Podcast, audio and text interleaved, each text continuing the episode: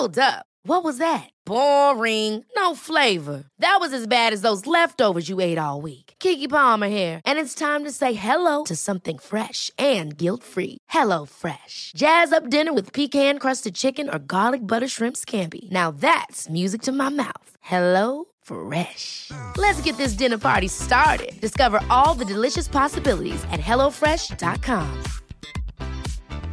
Many of us have those stubborn pounds that seem impossible to lose, no matter how good we eat or how hard we work out. My solution is PlushCare. PlushCare is a leading telehealth provider with doctors who are there for you day and night to partner with you in your weight loss journey. They can prescribe FDA-approved weight loss medications like Wagovi and Zepbound for those who qualify. Plus, they accept most insurance plans. To get started, visit plushcare.com slash weight loss. That's plushcare.com slash weight loss.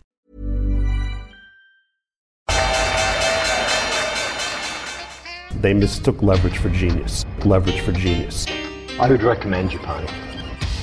The governments don't rule the world. Goldman Sachs rules the world. Dette er episode 237 av podkasten Tid er penger, en podkast med Peter Warren. Jeg heter Sverre og er produsent. Og i dagens episode skal vi snakke om det sterkt forvirra markedet som har vært i det siste, og de blanda signalene. Ellers så, så touche litt innom emisjoner og gå mer i klarhet, eller gå videre med den samtalen som var forrige uke. Um, er det på tide med noe fra Norges Bank, whatever it takes? Uh, og da avslutningsvis tanker om boka The Fund. Uh, denne episoden er presentert av Dealflow. Dealflow er et en markedsplass for selskaper i tidlig fase. De har hatt masse suksesser bak seg. 114 vellykka emisjoner. 100, nei, 770 millioner kroner. Akkurat nå er det syv forskjellige selskaper som du kan finne på hjemmesida dealflow.no. Denne episoden er også presentert av Fixrate. Fixrate er et selskap som hjelper bedrifter å få best mulig rente på bankinnskuddene, helt uvurderlig, i tidlig fase i en bedrift, egentlig alle faser. Maksimalt med penger på pengene du har på banken. Siste renta nå er hele 5,18 hvis du går på fixrate.no, kan du lese mer. Denne episoden er også presentert av Otovo. Otovo er et solcelleselskap som du kanskje har hørt om i podkasten. Vi har hatt Andreas som er sjef i Otovo flere ganger som gjest der han forteller om konseptet. Og nå begynner strømprisene å stige, og de har jo vært høye de siste to årene. Og prisen på solcellepaneler har falt i hele den perioden. Akkurat nå er den så lav som den har vært på seks år. Hvis du vil ha solceller på taket, så kan du gå på www.otovo.no og sjekke prisen der. Denne episoden er sponsa av IG. IG har vært med Tid er penger i mange år nå, og eh, en ting som er interessant med å lage de her spottene for IG, er at det nesten alltid er en ny ting, fordi IG har så mange ting. Så det er, du kan tilpasse din trading til det du ønsker. Hvordan risiko du ønsker, hvordan type produkter du ønsker å være eksponert for. Jeg vil si at det nesten ikke er mulig å finne en måte, en trade du er interessert i å gjøre, der du ikke klarer å finne en form for eksponering gjennom IG. Og det kan være vanskelig eh, med tradisjonelle meglerkontoer til tider. Og en av de metodene som har vi snakka lite om, er warrants. Så warrants er et eh, produkt som er handla på børs, og der det gir deg giring eh, som du gjør at du kan utnytte både stigende og fallende markeder, men du kan tilpasse strategien til den risikoen du ønsker. Det er ikke kurtasje eller transaksjonskostnader. Du, det er satt sammen med sånt det her er satt sammen bl.a. av Société General, investeringsbanken eh, fra Frankrike. Og du får høy likviditet, eh, som IG opplyser at det er til det de kaller din foretrukne pris. Altså de prøver å gi deg best mulig pris på traden. Du får eh, tilgang til eh, Gjennom IG-plattformen får du tilgang til børsnoterte warranter, som eh, da vil være et åpent og likvid marked, ikke lukka marked, eh, som, som, andre produkter kan være, som er derivater. Og eh, du kan trade med Um, altså du kan gjøre flere andre handler fra den samme kontoen, sånn at det er ganske lett å gjøre sånn helt sånn administrativt. Uh, de har fått en ny, raskere execution, som betyr at du klarer å gjøre en handel du ønsker å gjøre, når du ønsker å gjøre den. Så en warrant uh, er noe Jeg vil anbefale deg å lese deg opp på det. En Warrant er et annet type produkt enn andre derivater, men det deriverer sin verdi fra et annet produkt. Om, om det er olje eller en indeks eller utallige forskjellige ting. Så eh, du, de, de omtaler det som call warranter og put warranter, så du kan tenke på det litt som opsjoner. Sånn at du får en litt lignende type eksponering som du får gjennom opsjoner. Og med det så kan du handle indekser fra hele verden. Du kan handle en rekke aksjer direkte. Du kan handle i valuta, og du kan handle i råvarer. Hvis du har lyst å prøve de her produktene, så kan du gå på ig.com-no, og så kan du lete etter warranter. Og siden de har så mange forskjellige instrumenter, så kan det være vanskelig å finne fram. Tips til deg er å lete under børshandlede produkter, eh, siden det her er notert på en børs. ig.com-no. Det er litt spesielt marked om dagen. Men kan jeg la Jay Powell eh, oppsummere det? Som han så elegant gjorde forrige uke. Kom igjen. Just close the fucking door. Close the door. Jeg føler at på et eller annet vis oppsummerer han markedet der. Vakkert. Han var på en konferanse i forrige uke, og eh, noen demonstranter strømma inn når han skulle holde foredrag. Kameraet blir skrudd av, men mikken hans er live. Og eh, jeg tror det er første gangen en sentralbanksjef er på en hot mic og sier 'fucking'. og eh, yrket hans er så sensitivt at at han bare sier det, kan ha en påvirkning på markedet. Hva du syns om eh, hva du syns om det lille utspillet? Uh, ja, det, det, hadde jo med at, at, det kom demonstranter på scenen, gjorde det ikke det? Ja, sånn klimademonstranter. Ja, når klimademonstranter kom på, på, på scenen. Uh, men det er, en, det er en litt uheldig eh, formulering. Han var vel litt stresset da, tenker jeg. Så. Men det er jo det som kanskje markedet reagerer på, at han ikke takler en sånn situasjon. Er han stressa for noe mer, osv., osv., osv.? Ja, altså, ja, nettopp. Altså, er han Jeg ville jo tenkt på, på en annen måte. Er han rett person?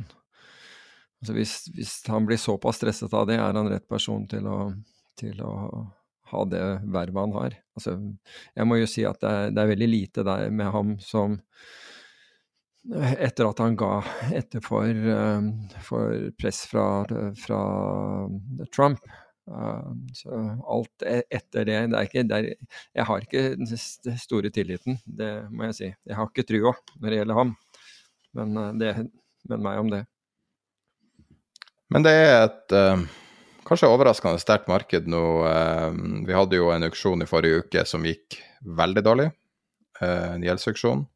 Og renten er kommet noe ned på statsobligasjoner, men aksjer er noen prosent opp forrige uke, og du, eh, folk eh, prøver å være bullish. Og hva du syns om markedene? Ja, det, jo, det, var jo mange ting som skjedde i, i, forrige uke, og det sprikte jo vilt. Men for å ta den 30 års amerikanske uh, treasury-auksjonen, midt oppi det så blir da den ene av clearingbankene og tro det eller ei, den var kinesisk. Utsatt for, for et uh, ransom-angrep, altså uh, nettangrep, som gjør at den ikke fungerer. Og som gjør at den ikke kan klere handler som, uh, som går gjennom dem. Så resultatet av det, det var at de måtte overføre transaksjoner på en minnepinne og kjøre den tvers over denne over til, eh, tvers over Manhattan til eh, jeg tror det var uh, Mellon Bank eller noe sånt noe, for å få kleret handler. Så det, altså det som skjedde der, gjorde at likviditeten i markedet droppet brått. Og er muligens en del av forklaringen til at den 30-årsauksjonen gikk så dårlig. Så det er jo ganske interessant at, at, slike faktorer For å være helt ærlig, jeg visste ikke at uh, kineserne klæret uh, en del av, av det amerikanske uh, treasury-markedet. Så det var, det var, nytt for meg, men det, det, var faktisk det som skjedde. Så det var jo ganske stort drama i forbindelse med dette. da. Kan jo bare presisere hva det her er for noe? Ja, så måten USA får penger på, måten USA låner seg opp og, og finansierer lønninger til postmannen og og eh, alt mulig krig de fører, og penger til Ukraina, alt sammen er med gjeld. Så USA har statsgjeld, og den blir, ut, uh, den blir utstedet gjennom auksjoner. Så det vil si at de, de selger obligasjoner, amerikanske statsobligasjoner med forskjellige ja, de, utsteder, de utsteder obligasjoner som investorer kjøper, helt riktig. Og da er det gjerne Det er jo en komplisert struktur, det her. og det er en, det er en auksjonsstruktur som blir annonsert en gang i kvartalet, og nettopp blir det annonsert fram til jul. Og eh, de gjør auksjoner etter en, en uh, timeplan. da. Dette er jo kjent som en sånn hjørnesten i finans i, i spesielt store institusjoner som uh, pensjonsfond og, og, andre. Bruker det her for å da få en på en måte sånn grunnmur i avkastninga. Historisk sett da, så har det vært lav, lav, rente i lang tid, nå er renta mye høyere. USA må betale mer for å låne penger. Og selve auksjonene er ofte interessant når det, når det går galt. Og for å si ytterpunkter, hvor galt kan det gå, så var det jo um, det her gjør jo stater og, og eh, kommuner også, utstedet gjennom auksjoner. Mm. Og på 70-tallet en gang, på slutten av 70-tallet, jeg husker ikke datoen akkurat, så var det jo en auksjon der ingen møtte opp. Ja, stemmer. Kun selgere møtte opp, men ikke kjøperne. Bankene var enige, og det var på en måte vendepunktet for New York på mange måter. Og i ytterste konsekvens er det jo det man frykter. Så man bruker jo også å opplyse om hvor mye, hvor stor prosent av auksjonen blir tatt av det man kaller dealerne. Du kan fortelle litt om den strukturen og hvordan det funker, og hvorfor det er et problem at den er høy, f.eks. Ja, det er jo riktig. Altså, men altså, spesielt med denne var jo at en hel del av disse nø nøkkeltallene, altså som du vanligvis får uh, Som de vanligvis opplyser i forbindelse med auksjonen, var noe av det verste vi hadde sett på, på, på veldig mange år, altså siden 2020 og, og, og 2021. Så men jeg vet ikke hvor mye vi skal legge vekt på det i og med den situasjonen som, som da oppsto med en av, av clearingbankene. Og det sto jo også Det er den femte på rad som går galt, da. Ja, det er det. Altså, ja, ja. Altså, hvis du ser trenden, så er jeg helt enig. Men, eh, og, og den har vært ganske klar. Um, men hvis du ser det f.eks. For i forhold til dagen før, dette var jo torsdag hvor dette skjedde, torsdag i forrige uke, og onsdag i forrige uke, da hadde man en massiv ehm, eh, kapitalomrokering fra aksjer og inn i, i, statsobligasjoner. Og det er en av de største man har, hvert fall vi har vært vitne til på veldig, veldig lang tid. Aksjemarkedet blir kontinuerlig solgt ned, og obligasjonsmarkedet blir kontinuerlig kjøpt opp. Um, og det reflekterer jo også i, i, for så vidt i tallene for, for, uken som vi skal komme tilbake til. Men, i, men hva som skjedde på onsdag er, er, helt sånn merkelig, fordi vi har jo snakket lenge om denne at obligasjonsgilden er, er, er nå rek, altså rekordhøy i forhold til hvilken gild hvilken, hvilken eh, avkastning du får fra aksjer. altså på, på basis av utbytter. Og det gjør obligasjoner mer attraktive i utgangspunktet, mer attraktive enn aksjer.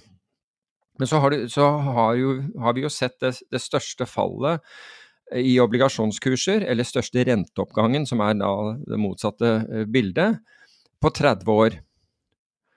Og etter hvert som obligasjonskursene har falt, rentene har steget, så har vi kommet opp i Eller vi var oppe i, i overkant av, av, eh, av 5 Og vi påpekte jo stadig dette her at én ting var at long-interessen var liksom på, på det høyeste da, da renten var som lavest, og renten i mange land var negativ. Og hvor du kunne faktisk få betalt for å shorte obligasjoner, var det du ble. Altså du ble betalt 0,6% i året f.eks. For, for å shorte uh, tysk stat, statsgjeld. Fordi de hadde negativ rente. Så ille kom det ikke i, uh, i, uh, i USA, men det var, det var liksom helt, helt nedpå der også. Til nå, da, hvor du, hvor du nå må betale 5% i året eller måtte, da, da renten var over 5% på, på alt fra 10 til, til 30-årssegmentet, eller egentlig hele, hele kurven. Og, så nå koster det deg ganske mye å være short, og du skal da satse på at dette går vesentlig høyere for å gjøre det. Men det var ingen tegn til, altså, mens vi drev og snakket om dette, at nå begynte, måtte dette være attraktivt, så var det veldig få eller ingen tegn til at noen interesserte seg for, eh, for å gjøre dette byttet. Og så plutselig så er det jo som om alle altså, finner ut på en gang, og det er helt merkelig. Jeg tipper at dette må, må være forankret i en en eller annen recommendation eller sånn analyse fra en av de store investeringsbankene. For plutselig på onsdag så ser vi voldsomme eh, beløp så ut av aksjemarkedet, inn i, i, obligasjoner. Og det løfter jo da naturligvis uh, obligasjonskursene og presser, uh, presser, renten ned. Men så kommer vi da til torsdagen, ikke sant, hvor denne, denne auksjonen går så dårlig, også hjulpet av da, uh, lav likviditet, at det nærmest reverseres, for, for å så komme kjøpere inn i obligasjoner. Men det var det for så vidt også i aksjer på, Eh, på, på, fredag. Så hele, hele forrige uke var merkelig på, på, et, på et, antall, eh, på, et, et antall nivåer. Vi så jo da obligasjonskurser, som jeg nevnte, stige aksjemarkedet over uken stige, og særlig den risikofylte delen av aksjemarkedet. Med andre ord selskaper som, uh, som, forventer inntjening en eller annen gang inn i fremtiden, og som ikke, uh, ikke har positiv bunnlinje i, i, dag. Så disse drar oppover. Men samtidig med at dette skjer, så ser vi fall innenfor råvarer. Og aksjemarkedet går fordi de forventer bedre, bedre utvikling i økonomien råvarene faller med akkurat motsatt fortegn. Der forventer man at, at, at, både USAs økonomi og verdensøkonomien skal bli dårligere, deriblant i oljemarkedet.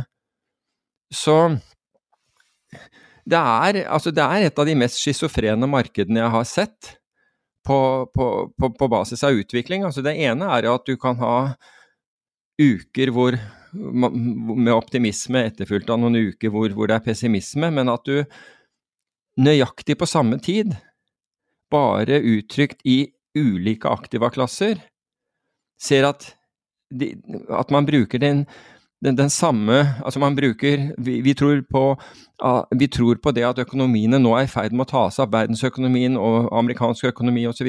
kommer til å ta seg opp videre for å kjøpe aksjer men du selger råvarer fordi du tror det motsatte. Og de, de, de to tingene henger ikke på greip. Og jeg mener, når jeg leste rapporter, jeg, så satt jeg bare og, og, ristet på hodet, for de kunne komme fra de samme investeringsbankene også. Det var liksom en sånn total uenighet om det grunnleggende, nemlig den underliggende økonomien. Fordi det var det det var henvist til i, i, i begge, begge tilfeller. Så jeg må jo si at jeg må jo si at det er, det er spennende når markeder er sånn, men jeg kan, jeg kan også forstå at, folk, at, folk, som står litt på sidelinjen og ser denne, disse argumentene mot hverandre og ser hvor, hvor forskjellige markeder reagerer, sier at nei du, takk for meg, jeg tror, jeg tror, jeg, tror krypto kan være noe likevel. Um, for det har fortsatt å gå. Men uh, men jeg tror ikke at, at det er, det er tilfellet at uh, folk allokerer mot det av den grunn, riktignok, men, men uh, det er uten tvil så, så var det det mest Ja, det var bisarr og bizarr å, å, å, følge med på, syns jeg, da. Og jeg hørte også det fra, fra svært mange investorer som sa hva er det som egentlig foregår her? Hva er, det, hva er det som egentlig foregår? Du kan ikke bruke Du kan ikke bruke uh, de samme altså du, du, kan ikke snu deg rundt og bruke motsatt argument for, for, for en aktiva-klasse som du akkurat har, har, brukt for å kjøpe opp en annen. Det nytter jo på en måte ikke, når de er avhengig av de samme faktorene. Men uh, det er sikkert noen som kan forklare det. Jeg, jeg klarte det ikke, men jeg syntes det var spennende å se, og jeg syntes det var en, uh, en opplevelse. Uh, å få følge med på det og, og til tider være delaktig i det. Et litt annet perspektiv, bare markedet generelt. FT hadde en sak eh, i forrige uke eh, som eh, påpeker at flere banksjefer i USA eh, driver og selger aksjer.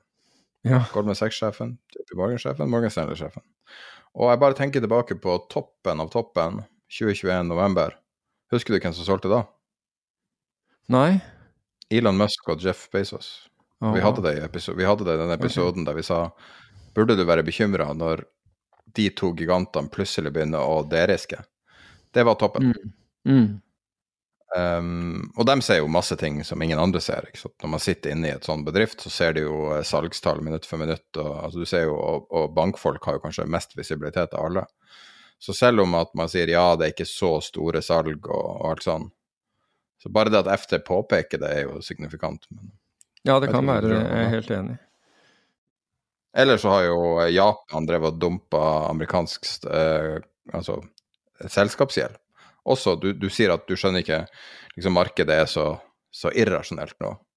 Kan det være det vi ser i Japan, med svak valuta eh, og eh, volatilt både rundt eh, masse på krysninger mellom pengepolitikk og markedet og politikk, eh, og opp mot at de er så stor eier av utenlandske investeringer, kan det bare dekaple ting?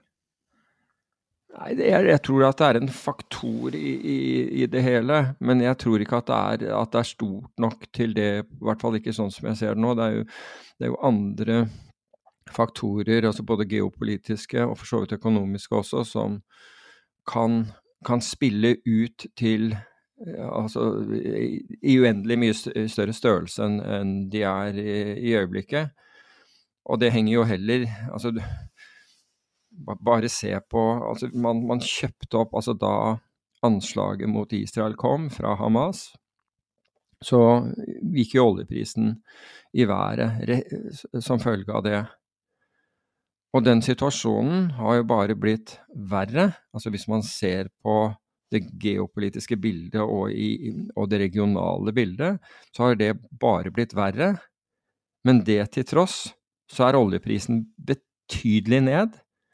Jo, ikke bare er oljeprisen ned, og, nå nevnte du Japan som en absolutt sånn plausibel faktor i dette her, men volatiliteten har falt dramatisk også i markedet. Altså den implisitte volatiliteten i markedet har falt dramatisk også. Og det er så mange ting som ikke henger på greip at skjer, skjer samtidig med verken det økonomiske bildet eller det geopolitiske bildet. At du, blir, du sitter og lurer på er det helt forskjellig Er det ulike stammer som, som handler disse ting i, i disse instrumentene, og som aldri snakker sammen? Men det skal jo ikke være. Vi skal jo være i den mest eh, kommunikasjonsconnectede verden noensinne. Men Twitter er jo full av fake news. ikke sant? Kanskje folk ikke får informasjon. Hvordan informasjon, altså Hvis du sitter og ser på CNBC hele dagen, så tror jeg du blir ganske bullish. altså. Det er, det er mulig, jeg, jeg gjør ikke det, men, eh, men hvis du ser på en, på en hvilken som helst sånn nyhetskanal, da være seg CNN, BBC um, ja, Du kan se på hva som helst, du kan se på Al, Jazeera, du kan se på NRK. Um, det, er ikke, det er ikke et lystig bilde som tegnes geopolitisk. Det, det kan man være enig i. Og, og så har man da ulike utfordringer i ulike land, altså med at det går saktere i, innenfor europeisk økonomi osv. Så så jeg vet ikke. Altså, vi, vi har hatt noen veldig solide tall fra USA, og, men første svekkelsen i arbeidsmarkedet på lenge. Det blir interessant å se uh, hvor det går. Men det gir seg på en måte ikke uttrykk Eller det gir seg bare sånn deluttrykk i finansmarkedene, og det gjør jo at aktivaklassene seg imellom spriker voldsomt. Altså, men, mens man har tidligere sett at de har vært korrelert. Det finnes jo, jo absolutt eh, korrelasjoner der, ute, det er, det er ikke det jeg sier. Men, men ting som da har vært naturlig korrelert tidligere, plutselig ikke er det lenger. Og det u... Og når, når, eh, når eh, nyhetsbildet, være seg økonomisk eller, eller geopolitisk, eh, spriker så mye som, eh, som de gjør nå, så jeg, jeg blir Så vanligvis så gir det seg utslag i usikkerhet. Opplevelsen av usikkerhet. Og når du kan få så høy rente som du kan altså Det er ikke bare å ta amerikanske statsobligasjoner. fordi det er klart at hvis man tar feil av inflasjonen, og inflasjonen viser seg å gå høyere, så, man, så, kunne man se for seg at obligasjoner fortsetter å falle og, og, renten fortsetter å stige. Men du kan jo unngå den risikoen med å kjøpe tips, altså uh, disse inflasjonsjusterte obligasjonene. Og de er jo rekordhøye, de også. Ikke sant? Altså en tiårs en, en tiårstip uh, handlet i hvert fall på, på, på fredag på 2,32 eh, prosentpoeng.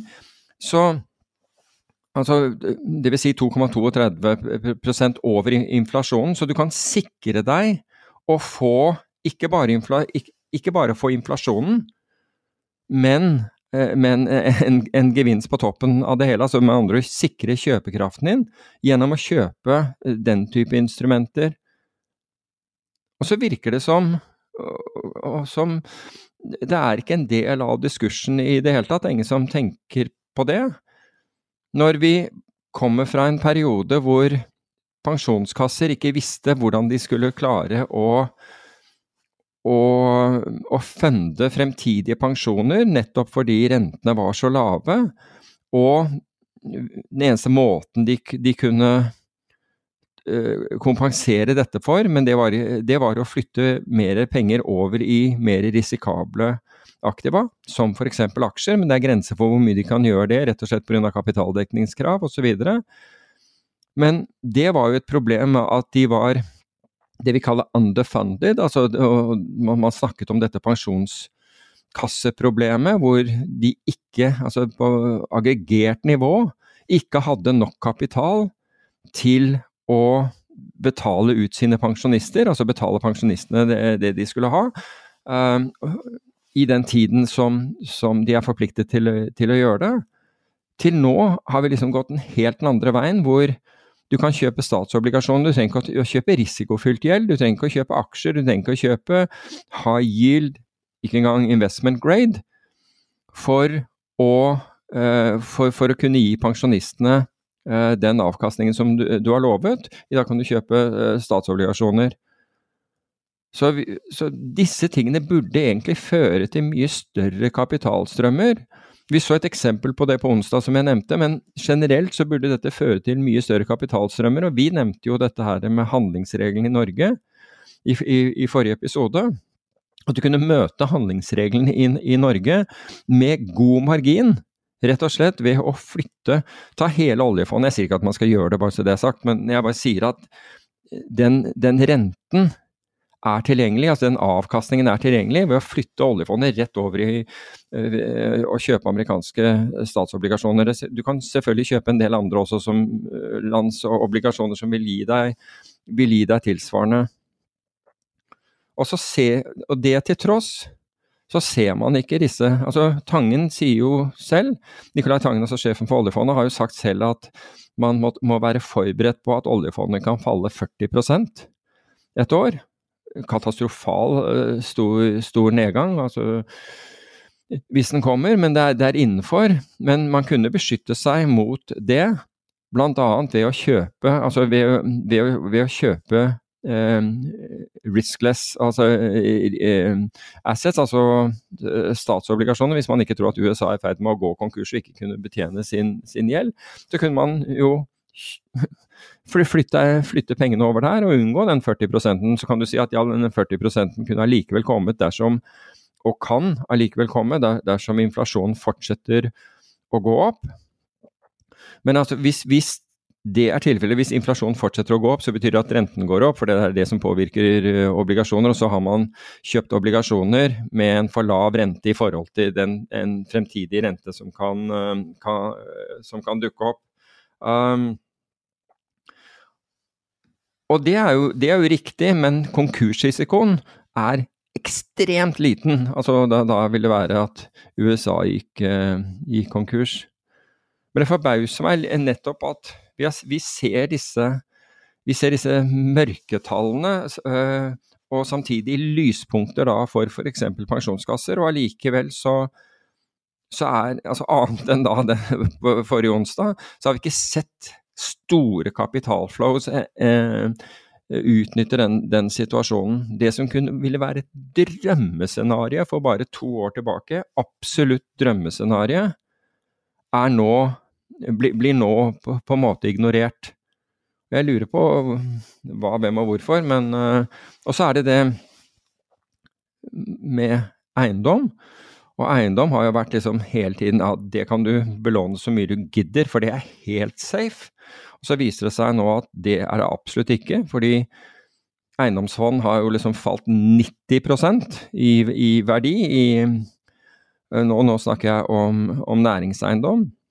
Har 90% i verdi, så har fullstendig knust den oppfatningen vi har hatt. Og det har heller ikke medført mer Eh, mer volatilitet og, og, usikkerhet. Nettopp at en etablert sannhet har blitt skutt ned så ettertrykkelig som, som det har gjort i eiendomsmarkedet. Og hvis det er slik at, at renten og det vil jo være årsaken til at du ikke kjøpte f.eks. statsobligasjoner med 5% rente. Det er jo at du tror at inflasjonen skal videre opp og renten skal videre opp ja, da skal du i hvert fall ikke sitte i eiendom. Altså, det, det, mens du sitter rolig i eiendom og ser på det, der, der kan det gå over ende. Så da er du liksom, der, der er du feil der også. Så det er så mange ting, men samtidig, det er en annen måte å se det på. Det er bare å snu det rundt og, og si at dette gir spennende muligheter. Fordi her, her sover folk i timen, eller er så fornøyd med, med, livet som det er, så de gidder ikke å gjøre noe med det, eller de tror ikke at noe kan skje, osv. Og, og da finnes det jo selvfølgelig et, en hel haug av muligheter man kan utnytte for, uh, for å prøve å få en, en, uh, en, en, sikrere avkastning. Men de aller fleste har jo bare det, Og det er problemet. Nå, skal jeg, nå skal jeg avslutte monologen om et lite øyeblikk, men det er at hva er det som bestemmer hva, som, hva, vi, eh, hva vi, investerer i i dag? Jo, det er ikke det vi ser i dag i øyeblikket og analyserer i nåtid. Det er hvilken, og dette, dette er helt sant, dette er hvilken avkastning dette har gitt til nå. Og det, og det er superinteressant, um, fordi det er jo rett og slett bare at man ser på, på fortiden og sier at fortiden kommer til å, å, bli fremtiden, det kommer til å replikeres i, i fremtiden. Og at alle disse faktorene som inflasjon, økonomi, politisk usikkerhet, eh, geopolitisk usikkerhet, sikkerhetspolitisk usikkerhet, klimausikkerhet Det spiller ingen rolle, for det er det vi egentlig sier da. Hvis historien skal gjenta seg, uansett om de underliggende faktorene har radikalt forandret seg, så sier vi at det er historien som teller, og ikke realitetene. Det er noe man burde tenke over. Var det ferdig? Var du klar? ja, ja, jeg er ikke helt Jeg er ikke helt klar, men jeg kan ta det, jeg kan ta det i Vi bare ta alt igjen en gang til. I, nei, i pulje... Ok, så skal jeg ta alt igjen, fordi jeg tulla. jeg tulla. Ikke ta alt igjen. Nå kommer du til å angre. Nei, altså, det, det, var litt interessant fordi Jeg tror ikke du eh, skjønner helt konseptet ironi og Nei, helt ikke. Men hør på denne her. Og dette er fra, fra media. Altså Høg Krohn, som da var, var, sjef for Argentum, og som gikk av, eh, som, som, som, trakk seg der når, eh, når eh, Vestre stramte inn skruene og og sa at ingen ville få de, de, eh, de, de, samme godene som de hadde hatt. Og de hadde virkelig hatt goder. altså han, eh, For all del, han, eh, han hadde i snitt tjent 10 millioner kroner i 17 år med å, å, å forvalte statens penger. Fantastisk. altså at noen, og jeg, jeg, må innrømme jeg var aldri smart nok til å tenke at det er veien å gå. Isteden så prøver man å gjøre noe, noe, lage et privat finansforetak og alt mulig sånn. Men det er klart, Tenk deg fordelene av å forvalte statlige penger. Altså, Finanstilsyn kan jo bare glemme, de, de kommer aldri på, besøk, aldri på, besøk, Du har ikke noe problem med, med, med, kapitalen din, fordi staten bare gir deg enormt med, med, penger. Du har ingen problemer med innløsninger. I år som dotcom, finanskrisen eller covid. Du blir ikke innløst fordi det er staten, så du, du, trenger ikke å tenke på det. Du trenger ikke forholde deg til hundrevis, kanskje tusener av, av in, investorer. Du kan bare liksom fokusere på, på det du gjør. Men poenget mitt er at i løpet av den perioden, fra 2001 og, og frem til da uh, han, uh, han, forlot Argentum, så har de levert 15 annualisert avkastning. Meget bra. Meget bra. In, innenfor private equity. De, han har funnet de, de flinke private equity-forvalterne og plassert pengene hos dem. Nå har de da startet Nå har han da forlatt dette, startet for seg selv med et eget foretak. Her, men forventningen nå er 35% annualisert avkastning, er det han sier at han, han skal levere. Så du går opp fra Du har klart 15, og du skal da nå klare over dobbelt så høyt. Det er ambisiøst, altså. Da, det er ikke noe gærent med ambisjon, ambisjonene dine. Det er i hvert fall øh, øh, sikkert. Jeg, jeg, tenkte at det var 35% Da burde jo altså Du har klart 15, men nå skal jeg klare 35. For nå er markedene atskillig verre. Rentene er mye høyere, inflasjonen er høy.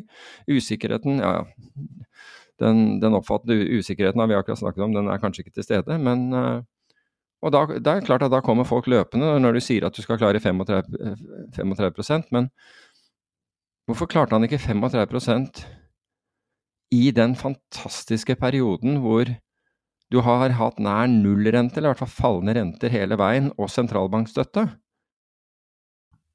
Men nå er det jo et privat foretak, kan ikke de bare ja. få lov å prøve å levere det, og så absolutt, ser vi på resultatet? Absolutt.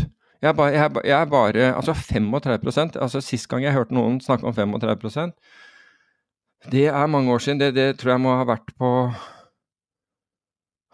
Ja, det må ha vært på slutten av 90-tallet. Og da var det innenfor eiendom. Og, det, og, det, og da var det da, da, snakket vi om 30% Det var, var, noen av de største meglerhusene som uh, hadde sånn eiendomsfond. Som istedenfor å levere 30% halverte seg. Men det er en annen sak. Men det, det er ikke det at jeg, jeg tror dette her skal gjøre det. Men, uh, men 30 da er du en av verdens aller, aller beste investorer. Altså hvis du skal levere det over tid. Så nå har jeg sagt det jeg mener om det der, tror jeg. Are you ready? Ja. ja. Jeg kan godt gå igjennom det, det, som dro inn i, i forrige uke. Og ikke. Um, Galaxy 18% opp i forrige uke, altså Mike Novograd sin kryptoinvesteringsbank.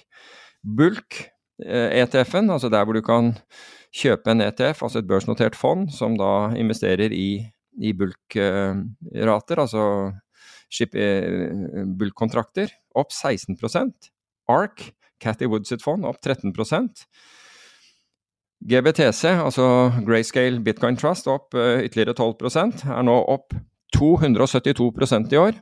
Takket være den rabatten hadde til bitcoin på, på slutten av, av fjoråret. AI-ETF-en kom hylende tilbake igjen og var opp 7,7% er opp 45% hittil i år. Og det samme var Nasdaq, og omtrent det samme var blockchain-ETF-er. Den var opp 7,1 den er opp 46 hittil i år. Og så, hvis vi ser på, på markedet, akkurat som vi, vi, begynte å snakke om dette med, med renter, så var da 20 års statsobligasjons-ETF-en i USA opp like mye som SMP 500. Så her har du statsobligasjoner som steg like mye som aksjemarkedet. Den sikre asseten går opp 5,3% det samme som de 500 største selskapene i USA i snitt. Før du går fra USA, jeg har lyst til å ha seiersrunden på én ting. Den store taperen forrige uke. Warner Brothers? Ja, du, jeg, jeg, prøvde å finne det chartet, fordi vi, vi snakket jo om det. Du, du mente du hadde den, denne eh, traden og den som var long Netflix. Ja, det var jo bare, det er ikke noe jeg gjør sjøl. Nei, altså, men jeg husker, du, nei, jeg husker du, du syns det var en var, Fordi du spurte meg om en pair trade, um, og så spurte du spesifikt om, om, den. Og det var den besto av, hvis ikke jeg husker feil, og da må du rette meg, long Netflix og short Warner Brothers. basically trade spreaden mellom dem, altså at, at Warner Brothers kommer til å underperforme Netflix. Og så, prøv, og så, fant jeg frem det chartet mellom de to, altså hvordan det hadde gått etterpå. Så sendte jeg det, og jeg prøvde å finne det frem før denne, før denne sendingen, men jeg klarte ikke å finne chartet igjen. Uh, men det viste jo at, at den spredden hadde jo blåst ut Altså, det, hadde vært en helt rå trade å gå short Warner Brothers og, og long. Jeg husker ikke om Netflix har er opp i den perioden, Cirka flat, flat og, og, men Warner Brothers er da betydelig ned. Og, og, det var ikke fordi at jeg personlig har noe å vinne på å snakke om det her, men det var kun for å illustrere eh, hvordan man tenker når For vi blir jo fortalt liksom at, at eh, for å tjene penger, så må tidevannet gå opp. Og så nå må man sitte og vente på renta, eller nå må du vente på, på ditt eller datt, altså et eller annet som eksternt skal skje. Men det er jo alltid muligheter å gjøre hvis du tenker litt mer komplekst på det. Ja. Og en pair trade er jo en relativt enkel trade, men det jo, krever fortsatt at du faktisk tenker gjennom hvordan du strukturerer det, og at du er helt sikker på at du gjør det du har tenkt å gjøre. Men det var jo ikke tilfeldig at du, at du valgte de selskapene. Altså, Du skulle illustrere et poeng, men De har 50 milliarder dollar i gjeld, ja. og de vir virker Så ideen var bare der at TV er i ferd med å dø. Og, eh, og, kommer, og, at Warner Brothers Discovery virker å være den svakeste aktøren. Eh, basert på at de har så mye gjeld, og de mangler den infrastrukturen som Netflix har. Og det var liksom hele ideen. Ja, Poenget mitt var at, at, du, at du, hadde en økonomisk eh, grunn for å, for å velge akkurat de to. Og, og som, du, som, du, nå nevner, og, og, at det gikk inn Det var, det var ikke bare liksom to selskaper tatt ut av lufta sånn og den, den, må jeg si har gått uh, voldsomt i din favør. Ellers så gikk for øvrig, og i mye mindre grad, bare så det er sagt, den uran- og clean energy-spredden som, som vi, vi, snakket om, det der uh, for, uh, for, tre uker siden eller noe sånt nå, den, den kom inn halvannen prosent til nå i den uken som var, som betyr at det er noen som, som tydeligvis begynner å se, se noe verdi i i uh, ren energi, de rene energiselskapene. Uh, og, og, det skal vi være glad for. For øvrig så var Oslo Børs ned 0,2, unnskyld, opp 0,2% altså den hang godt etter verdensmarkedet. verst på lista var, var, naturgass i USA, som var ned 16% så var tankrater ned 9, 9 Det er også en ETF som heter BWET, BWET.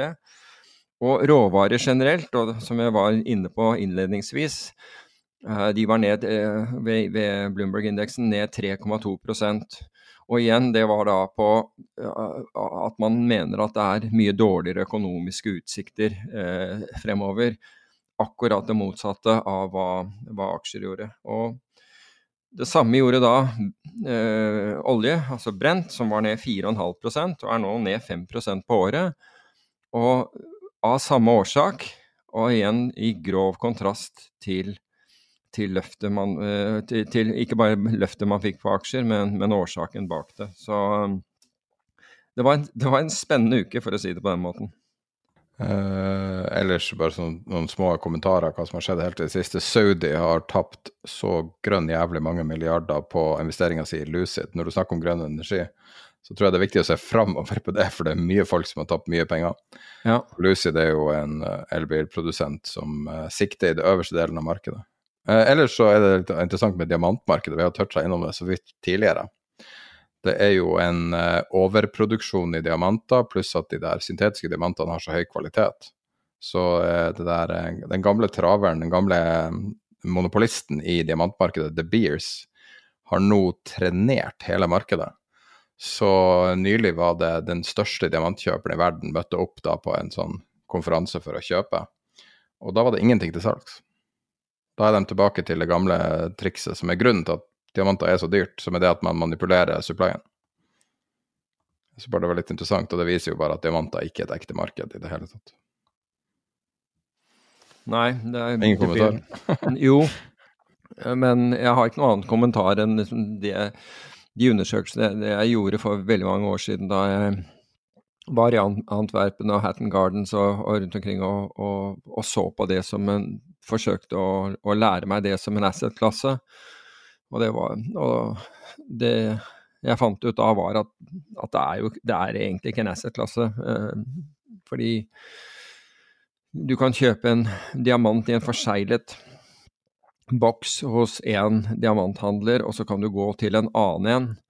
Uh, og da er det en topp Wesselton, for f.eks. en, karats uh, uh briljantslipp diamant som var som var liksom benchmarken man gikk ut, ut, fra. Og så kunne du gå da til en annen diamanthandler, og så ville han si at det var verdt 20% mindre. Så, så det er jo Altså, det er jo en Det der er Det er jo på en måte kjøpers marked når en har kommet på banen og, og, og vil ha noe, men det er mulig at det fungerer i enkelte land som, uh, som, en, form for, uh, som en form for valuta. Men du skal, du skal, jo ha peiling, da. Du skal jo vite at det er, at det er, at det er en diamant du, du faktisk ser og, og, holder i hånden. Så. Nei, eh, bare for å hoppe tilbake til ordentlig finans igjen. Goldman mm. sier at eh, vi, den eh, hedgefond nå ligger så short som de har vært på fem år, finanssektoren. Ja, altså finanssektoren gjennom banker og den type Ja. Og du ser jo det. altså I USA så har jo, har jo bankene falt kraftig, og den bankindeksen er kraftig ned. ikke sant, Og SMP eh, bankindeks er kraftig ned. Så um, de har ikke de der fordelene med Og banksjefene selv. og, og banksjefene selger. Det er jo ganske fint. Um, så, men i Norge så går det så det griner. Jeg vet ikke, krona er 13% i år. Hva sier du? Krona er ned 13% i år, som ja, da også bidrar til at uh, det også bidrar til at oljefondet, som har mesteparten av asseten sin uh, i dollar, euro og, pund, ja. uh, da stiger verdi. Så oljefondet setter nye rekorder, men det er liksom sånn at what price? Og um, Jo, men det er at the right price. Nei, men at, at what price? Fordi at nå har vi jo Altså, her er en ting som jeg kom på mens vi Altså, vi hadde ikke forhåndsplanlagt det, så det kan være at du ikke har noen kommentarer på det, men Kjør. er det nå på tide at, uh, at Ida Wolden Bakke gjør en Mario Draghi og verbalt intervenerer og kjører en whatever it takes? Fordi at det her som skjer nå, er så farlig, fordi at vi står på trappen av en potensielt stor nedtur og vi har jo masse eh, både annonserte og kanskje planlagte eh, rentehevinger som er i ferd med å treffe markedet nå 15.11. og 15.12. er det vel. Og, eh, og det er forventa at det kommer i hvert fall ei renteheving til, kanskje mer. Og vi har så mye importert inflasjon. Danmark har nesten ingen inflasjon, fordi at Danmark er pegga til euro. Så de importerer mm. ingenting inflasjon fordi at man følger euroen, og da og da til en viss grad følger dollaren også. Um, og, og, da spør jeg Mario Draghi, uten å bruke en euro, redda euroen. Og han sier 'whatever it takes', så skal vi steppe inn og beskytte euroen. Whatever it takes. Og han står med den troverdigheten som nesten bare han har greid som sentralbanksjef, mm. og egenhendig snur enormt med momentum. Og så har du på den andre sida så har du den, uh, Bank of England. Uh, var det nå husker jeg ikke, var det 91? Når de slåss med Soros. Mm. Og så det de sier er vi har 10 milliarder pund, vi står klar til å fighte, og så sitter George Soros der og ser på sin bankkonto og ser han har 20 milliarder pund eller noe sånt, og vet at jeg kommer til å ta dem. Og dem og det her er jo kjent som en av de mørkeste dagene i engelsk historie, mm. der landet bare blir uh, sabla ned fra en dag til neste er det på tide at noe dramatisk blir sagt. Og jeg snakker ikke om hva du intervenerer med penger, men det er noe som er så skummelt. Folk snakker om at Norge trenger å pegge til euro. På dette lave nivået vil jo også være en katastrofe om man mister fleksibiliteten med egen valuta.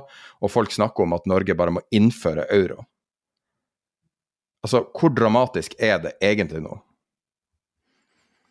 Det er jo, dram, altså det er jo dramatisk på den, på, på den, måten at det er en fallende krone som bidrar kraftig til inflasjonen. Og den inflasjonen er jo nettopp den som alle frykter skal da lede til ytterligere renteoppgang.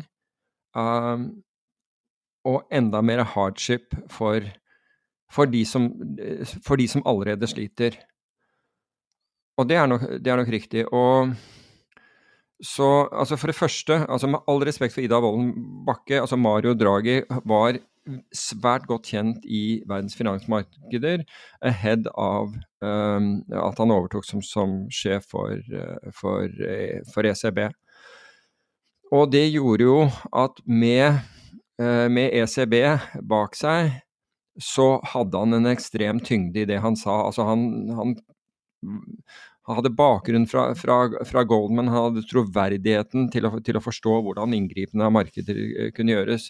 Ida Wolden Bakke er en utmerket sentralbanksjef, så, så, så, vidt jeg vet, men hun har ikke den kredden i det internasjonale markedet på, på det nivået. Altså, Norge har en, har en høy kred, eh, for så vidt, men hun har ikke den derre til å si at whatever it takes, og så stirre ned Eh, de, de, de, store bankene, de store hedgefondene og si at whatever it takes, ikke? Vi, vi skal, jeg knuser dere hvis dere, hvis dere prøver dere.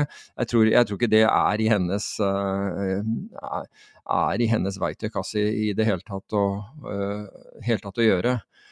Men siden Altså, vi alle frykter ytterligere renteoppgang.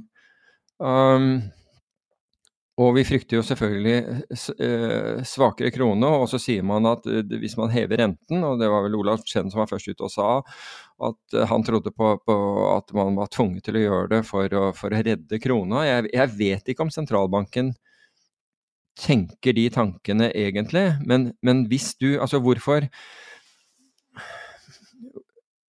det er det faktum at inflasjonen var opp, som gjør at debatten har blitt bred i favør av at vi er nødt til å, å, heve, å, å heve, renten ytterligere. Så kan vi si hvorfor, var, hvorfor, var, hvorfor gikk inflasjonen opp? Vel, en av de hovedfaktorene til det, til det er jo at vi importerer mat. Um, og, og, det var matvarepriser, og, og, mye, og, det meste av det blir, blir importert.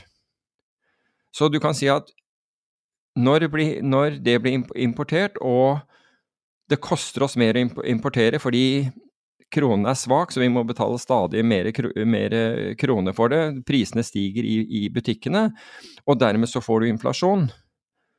Og det er jo for så vidt riktig, men hva med, hva, hva med å kutte matvaremomsen, da? Husk på at 25% av den økningen som gjøres øh, øh, Altså en fjerdedel av økningen er moms. Så og det, det, det mer vi betaler, det mer moms betaler vi også.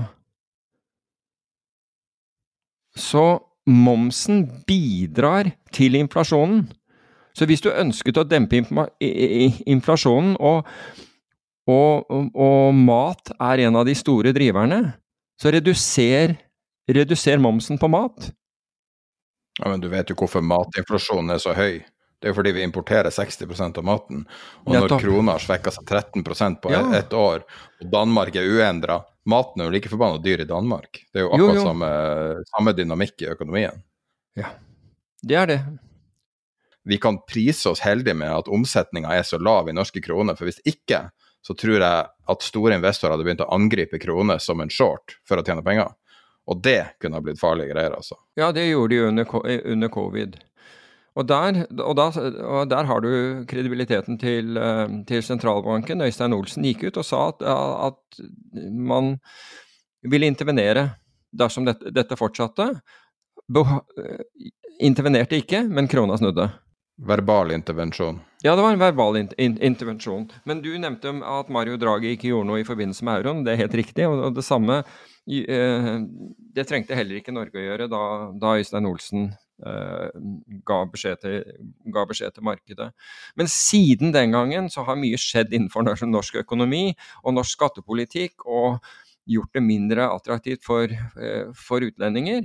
Og det minnes vi stadig på i debatter hvor, hvor hvor norsk næringsliv snakker om ulikheten som er da mellom, eh, mellom eiere, norske eiere og utenlandske eiere. Og, og, pluss at man da over natten, altså med et pennestrøk, innfører skatter. Det, det er klart at da skjer det ting. Og det er, ingen, det er, det er ikke noe sånn Folk står ikke i kø for, for, for, å investere i Norge. Det er vanskelig. å skaffe kapital, internasjonal kapital til, til, til, til, Norge. Og sånn er det bare. Det er blitt sånn. Men Peter, Peter, vi har en innringer nå. Vi har en innringer som har et kommentar til det her. Vil du okay. høre? Kom igjen. Just close the fucking door. Close the door. Just close the fucking door, ja. Skulle gjerne gjort det. Altså, altså det er um, Det er ikke noe moro altså, å oppleve å oppleve en så svak krone. Når du vet at landet har, har naturressurser som få andre. Og det er naturressurser som etterspørres, ikke sant? Så, så... Vi har et rainy day fund. Vi har to rainy day fund, inn- og utland. Det, det, det, pøser ned nå. Men takk og lov, da. Altså, takk og lov at, at oljefondet ikke er i norske kroner. Takk og lov for at de ikke har hedget seg, for da, da, da hadde de verdiene vært, vært, borte også. Det er en ting jeg har tenkt på, bare en digresjon da, når du snakker om det. Um, alle de her som har investert, som har vært så mye diskutert på nyhetene om diverse politikere og alt sånn. En ting jeg aldri har skjønt, er hvorfor må de på død og liv investere i norske aksjer? Uh, og hvis de hadde investert i amerikanske aksjer, ville ikke det bare valutamessig vært en dramatisk bedre investering i, i den siste perioden også? Og da er det ingen problem med Altså Folk snakker om aksjehandel som det er ulovlig. Hvis du er bekymra for uh, om du kan påvirke noe, handle i England eller i Nederland eller i USA. Jo, men jeg, Mitt inntrykk er at stadig flere investorer gjør nettopp det. De gjør det, og, men det har ikke bare med at Altså, en del har med det, for det ser du av kommentarene. Uh, jeg ser kommentarene på Twitter, men jeg har også sett kommentarene på, på vår discord, er, er, at folk bruker det som, ser det også som en hedge i forhold til en, en, videre svekkelse av norske kroner. Så det betyr at folk driver og kjøper utenlandsk valuta og, og plasserer pengene sine der.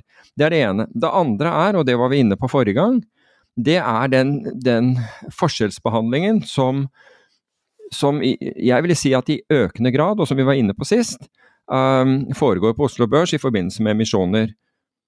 Der, men, men der, har vi, der, har vi, fått uh, to, to, innspill uh, siden forrige gang. Den ene fra hva jeg kaller det the real, really dark side. Um, og du kan kanskje gå, gå gjennom den? Ja, vi fikk et brev fra en uh, lytter med veldig lang erfaring fra mange deler av finans. Skal jeg lese opp hva han sa? En forkorta versjon. Så her er noen punkter han påpeker. Likebehandling av aksjonærene er regulert i verdipapirhandelloven 514 samt i børsens egne regler. Begge disse bestemmelsene sier at man kun kan avvike fra likebehandling hvis det er saklig begrunna. Aksje- og allmennaksjeloven, altså loven for ASA, om at eh, eksisterende aksjonærer har fortrinnsrett ved utstedelse av nye aksjer 10.4 og 10.5 i eh, begge lovene. Og eh, disse bestemmelsene kan fravikes med generalforsamling med kvalifisert flertall, og dette gjøres regelmessig. Styret i selskapet her er poenget. Styret i selskapet utsteder aksjene. Det er styret som beslutter hvilken emisjonsform man skal velge, og eh, tildele aksjer til de som har tegna seg. Dermed er det ikke meglerhusene eller advokatene som er besluttet det her, men begge dem to, og det gjelder både emisjonsform og tildelinga. Men eh, både meglerhuset og advokatene gir råd rundt transaksjonene. Og når det gjelder hvem som får tildeling av de her aksjene i, i emisjonene, som er da det som kan være veldig rabattert, så er det selvfølgelig også norske og utenlandske Eh, aksjonærer som er både kort og langsiktig. Men hoveddelen av aksjene som tildeles i rettede emisjoner, går hovedsakelig til eh, eksisterende store aksjonærer i selskapet, ledende ansatte i selskapet, eller norske og utenlandske fond og institusjonelle kunder. Og jeg kan si som et lite apropos at det er i henhold til en annen kilde også dem de alltid ringer først. Så det er jo vanskelig å, gå, e-, ettergå det, da. Eh, uten eh, de her hadde det ikke vært mulig å fylle emisjonene, ettersom norske privatpersoner ikke har slik kapital. Hvis man skal lage et anslag, så vil han tro at rundt 80% av emisjonene fylles av de tre ovennevnte gruppene, eh, som er da eksisterende aksjonærer, institusjonelle investorer som hovedvekt. Uh, og ofte vil tildelingskriteriene som styret fastsetter, favorisere eksisterende aksjonærer og langsiktige investorer. You Done. Ja. Ja, altså jeg er ikke uenig. altså Presisere for så vidt. Noe av det, det var vi inne på, på, på, forrige gang, og det er greit det å få en presisering i at det er styret slash generalforsamling i et selskap som uh, blir enige om hvilken måte det skal, uh, dette skal uh, gjøres på. Den, den, er grei. Men det er klart at meglerhusene og advokatene er sterke pådrivere her. Er, de er ansatt som rådgivere av en, av en, grunn. Og de har helt klart økonomisk interesse i at dette gjøres så fort som det, det går an å gjøre, for penger i lomma er mye bedre enn, en penger en gang i fremtiden.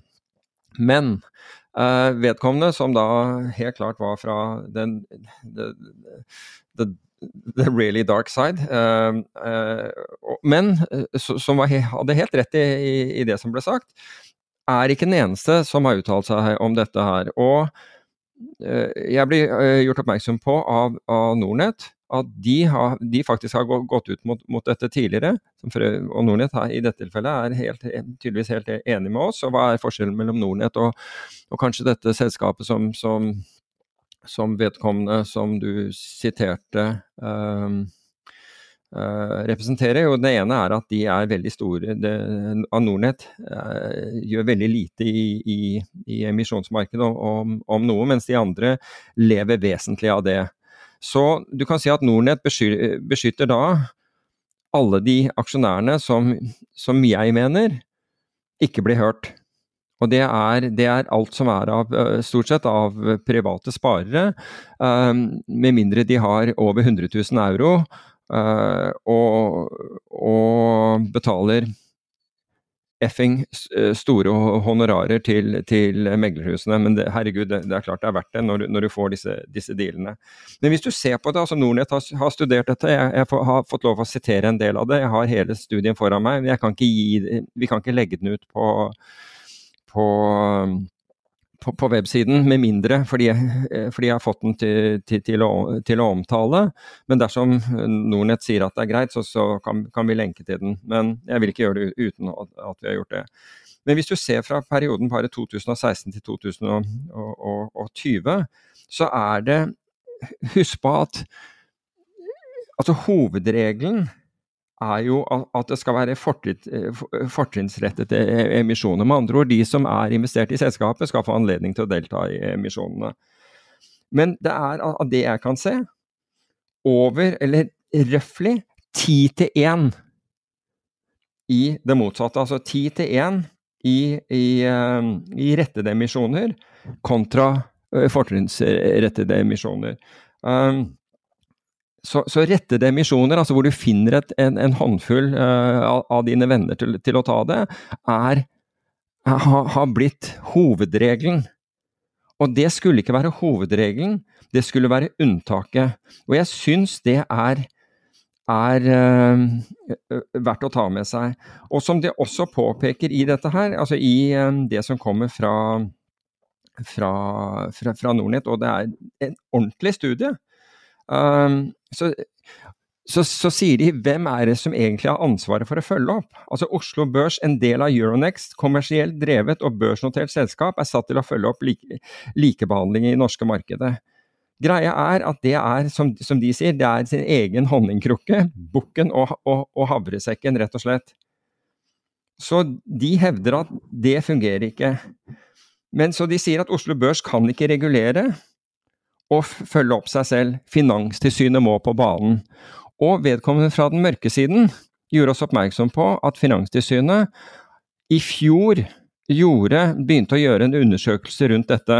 Ære være dem for det. det at, de, at, man nå kan si at de har faktisk gjort noe. Det er ålreit. Og, og, at muligens resultatet av dette kommer før nyttår eh, nå. Altså innen, innen utgangen av, av dette året.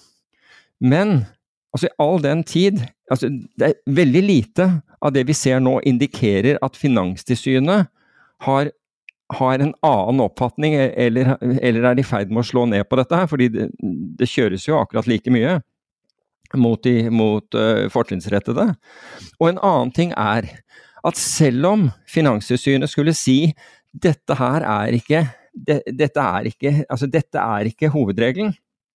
Hovedregelen er, er, er fortrinnsemisjoner, forhold dere til det.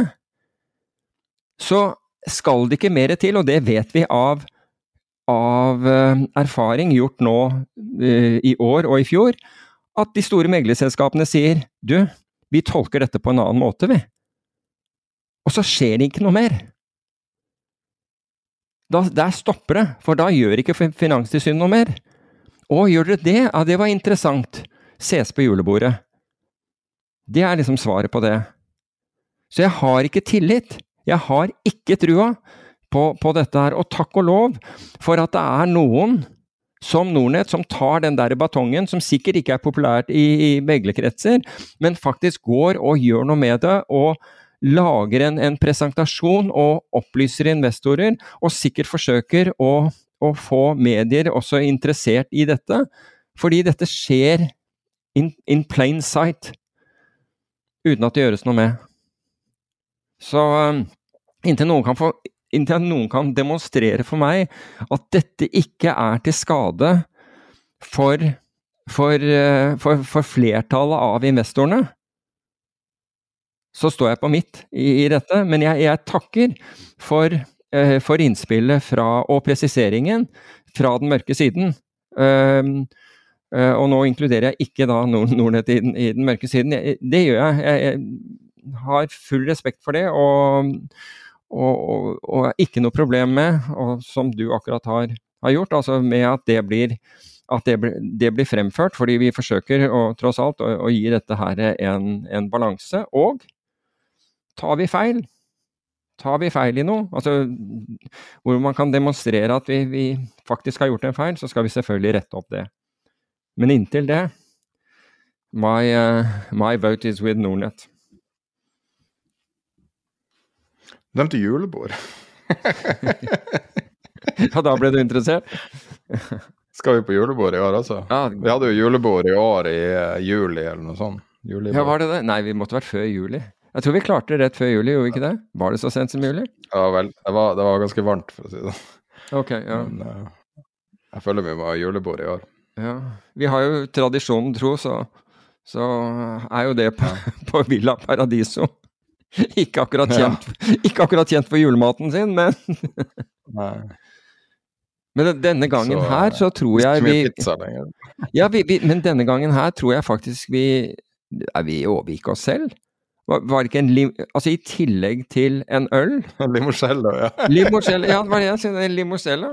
Så Har du den der flaska når eh, vi var i Stockholm den gangen?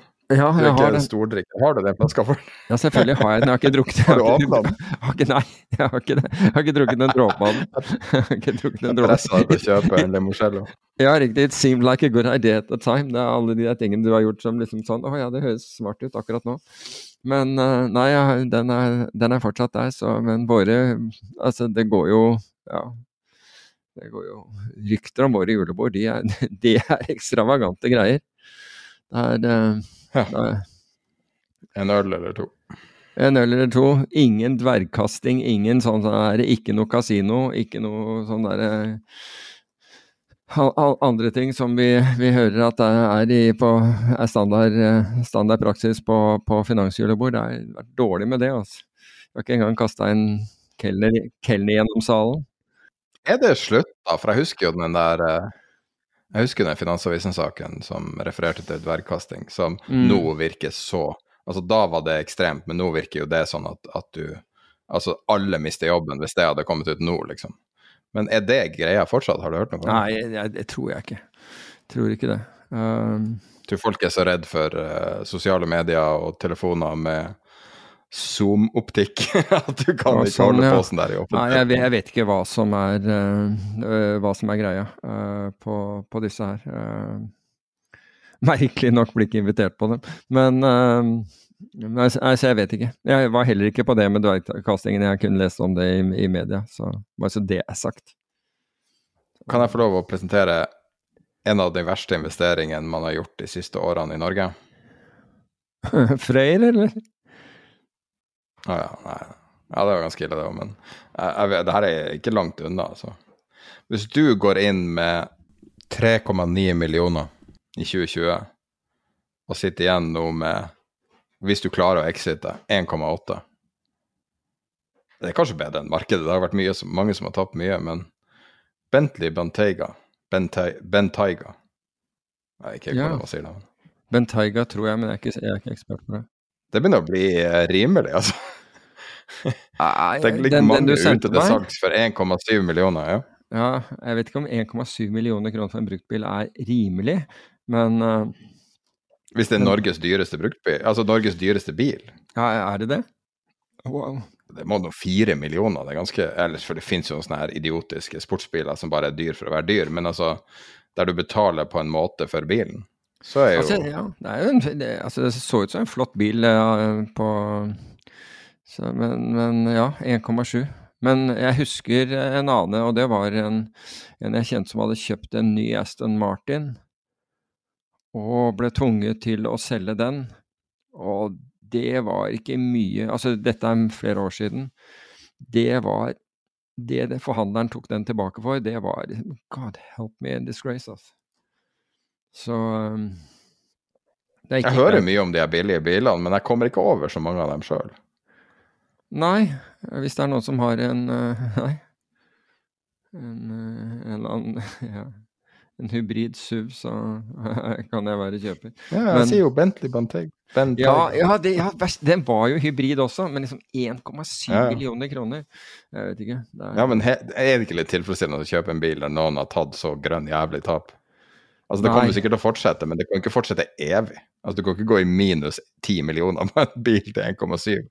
Nei, men, altså, nei, men det, det kan godt hende. Men, men første gang du kjører den der på service, og den, den servicen koster 370 000 eller et eller annet sånt, så tenker jeg at du, du får en sånn realitetsorientering. Nå vet jeg ikke hva, hva servicen er på den. Før i tida var jo Bentley veldig billig i drift, og, og Rolls-Royce var helt grønn jævlig. Det var sånn Altså, Rolls-Roycen er på verste kanskje ti ganger i året, og så Bentleyen så er det sånn du bruker 300 kroner på fem år. Det var i hvert fall det det var før. Jeg har liksom ikke vært i den, der, i den kategorien bileiere. Så, så, jeg- har du vel det? Så jeg, jeg har aldri hatt en Rolls-Royce eller Du en satt jo og skrøt av den Porscha du hadde og alt sånn, så du har jo Jo, men det, jo det, det, det Altså, alle Jeg har hatt det, men eh, de, alle sammen kjøpte jeg for øvrig, eh, for øvrig brukt. Um, men eh, Og det var ikke, det var ikke noen Altså i nærheten av sånne summer i det hele tatt, altså. Det er ikke det, men eh, Men jeg, ja, jeg, jeg, jeg likte jeg, Ja, den ene, den, den ene forskningen jeg hadde, den husker jeg at da da bodde jeg utenfor Oslo, og køen hjem, den, den hadde så hard kløtsj at du dro nesten rattet skeivt for å holde inn kløtsjen hvis du sto i kø. Det var eh, den, den, den var sær, altså. Den hadde for øvrig førstegir ned til venstre. Tettsteget girkasse, førstegir ned til venstre. Så, men eh, jeg likte den. Husker ikke hva, hva det ble av den. Måtte forvarme den og greier når du skulle starte. Ja, men når vi er ute på vidda, så vil jeg bare si en ting. Det var litt basert på en kommentar jeg så på chatten, men så var det litt sånn Jeg gikk litt i dybden, da. Eller dybden og dybden. Jeg gikk ett millimeter lenger dypere. Um, hvis du vinner Lotto i USA, så betaler du sånn roughly 36% skatt. Og okay. de skattelegger ikke arbeidende kapital. Mm. I Norge så er en av de få tingene som er i Norge som er skattefritt, er lottogevinst. Ja. Og vi skatter arbeidende kapital hardest i verden. Hva det den insentivstrukturen sier om hvordan myndigheter ser det. ja, den er god. Den er ganske bra. Bra sammenligning. Um, jeg bare, syns at eh, når eh, krona faller og gjør biler drittdyre eh, bare som følge av det, da, måtte, da kom Vedum opp og, og økte avgifter på biler. Det var jo liksom Det er, det er, det er tidspunktet. Og nå gjør de en, en avgiftsøkning, så vidt jeg vet, på, på hybridbiler uh, nå ved, ved, ved nyttår. Det, er sånn, det, kunne, det kunne ikke vært verre for, for bilbransjen, og så kommer du med den i tillegg. Jo, det går jo greit med bilbransjen pga. at, de, eh, altså at, at krona er blitt eh, liksom thaibatt. Sånn Ja. at, uh, no, at du, du sender jo nesten alle bilene. Jeg solgte en bil nylig som ble sendt ut av landet, og skjønte at nesten alle auksjoner som er i Norge, uh, resulterer i eksport Akkurat. akkurat nå. Ja. Så jeg tror det er sånn 20-30% arbitrasje, for de kan jo bare selge den, forhåndsselge den på, eh, på mobile.de eller en sånn nettside, og så bare send det ned, og så garantert gevinst. Oh, nice. Uh, ellers så er jo eh, Skifter, den uh, oppstartsbedrift, nettavisen, skrev en reportasje denne uka om at vanlige sånne små gründere vurderer å flytte til Sveits. Har ikke råd å bo i Norge. Ja, det, det, er jo også noe jeg har hørt. Uh, men det hører du fra gründere som har som flyttet uh, fra Norge uh, og startet noe i, i, utlandet. Og flere av dem, noen av dem fra, som flyttet til, til, USA, har jo sagt helt tydelig at dette kunne de ikke ha gjort hvis de, de, hvis de hadde vært i Norge. Det hadde ikke vært mulig å, å gjøre øh, gründe den virksomheten og bygge opp den virksomheten sånn som de har gjort. Så mm, jeg føler at det, dette, er noe, dette, er ikke noe, nytt, det er bare at, uh, at regjeringen nekter på en måte å høre på det. Eneste er å si at det er sannsynligvis billigere for deg å flytte til Spania. Det er veldig dyrt å bo i Sveits. Så hvis du er en liten gründer, så du må ikke flytte til Sveits fordi at alle nordmenn flytter til Sveits. Men uh, ja, Spania har vel bedre klima òg, har de ikke det? Kanskje ikke så bra på ski, men Det var 56 grader varmere i Marbella enn det var i Kautokeino. det var ganske bra diff. Men det er jo litt sånn, sånn som det skal være, i hvert fall. Ok, skal vi ta et eh, par minutter om eh, boka The Fund? Jeg vet ikke hvor mye du har å si om det. Vi snakka jo om de her artiklene som eh, diskuterer Bridgewater eh, eh, i forrige episode, og det var jo da Eh, for meg var det nytt at det var ei bok. Jeg har også kjøpt boka, begynte å lese den, og satt bare og rista så mye på hodet at jeg nesten fikk kink i nakken. Eh, men du har lest hele boka, så kan ikke du bare fortelle oss eh, din take på den her, den veldig, veldig respekterte investoren fram til ca. denne uka? Ja, altså i tre ord House of Horror. Det er, helt, det er en helt utrolig for fortelling. Og jeg vet ikke hva jeg skal si. Altså, at man har klart å bygge opp en bedrift med en slik kultur, er, er i seg selv grensesprengende. For Dalio kommer ekstremt dårlig ut der av, av, denne. Ekstremt. Altså, han kommer ut som en brutal og vulgær eh, person. Altså, de har har rettssaker. Altså de, de, de, de, anklager ansatte, og de må møte opp til en intern rettssak hvor noen av dem bryter sammen, og alt blir filmet, og så blir det da sendt ut til alle etterpå.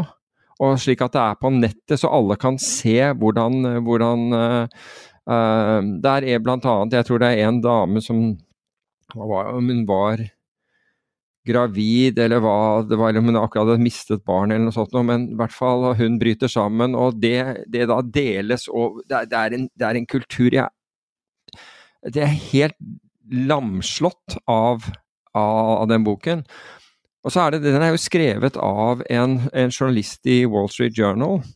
Og selvfølgelig har Dalio truet med alt mulig for, for, å, for, å, stoppe den boken. Han hadde gitt Dalio anledning til å, til å, være med i boken. Uh, og, men det hadde Dalio, Han hadde ingen uh, Han som da er for at alt skal frem og, og radikal sannhet, så er det jo ikke, jo ikke, Han var ikke interessert i det, og han har jo editert mange av disse tingene mange av disse rettssakene selv i ettertid. Han ble for øvrig anbefalt av en eh, tidligere statsadvokat som han eh, hadde ansatt, han ble anbefalt av henne da hun hadde sett noe av dette arkivet, å kvitte seg med dette her så fort som mulig.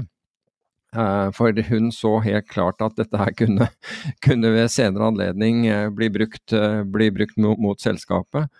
Men altså, jeg må innrømme at jeg har aldri møtt uh, Ray Dalio, men av, en av styremedlemmene som vi hadde, var venn av Ray Dalio og, og fortalte av og til uh, om han, og spesielt uh, under, under, finanskrisen.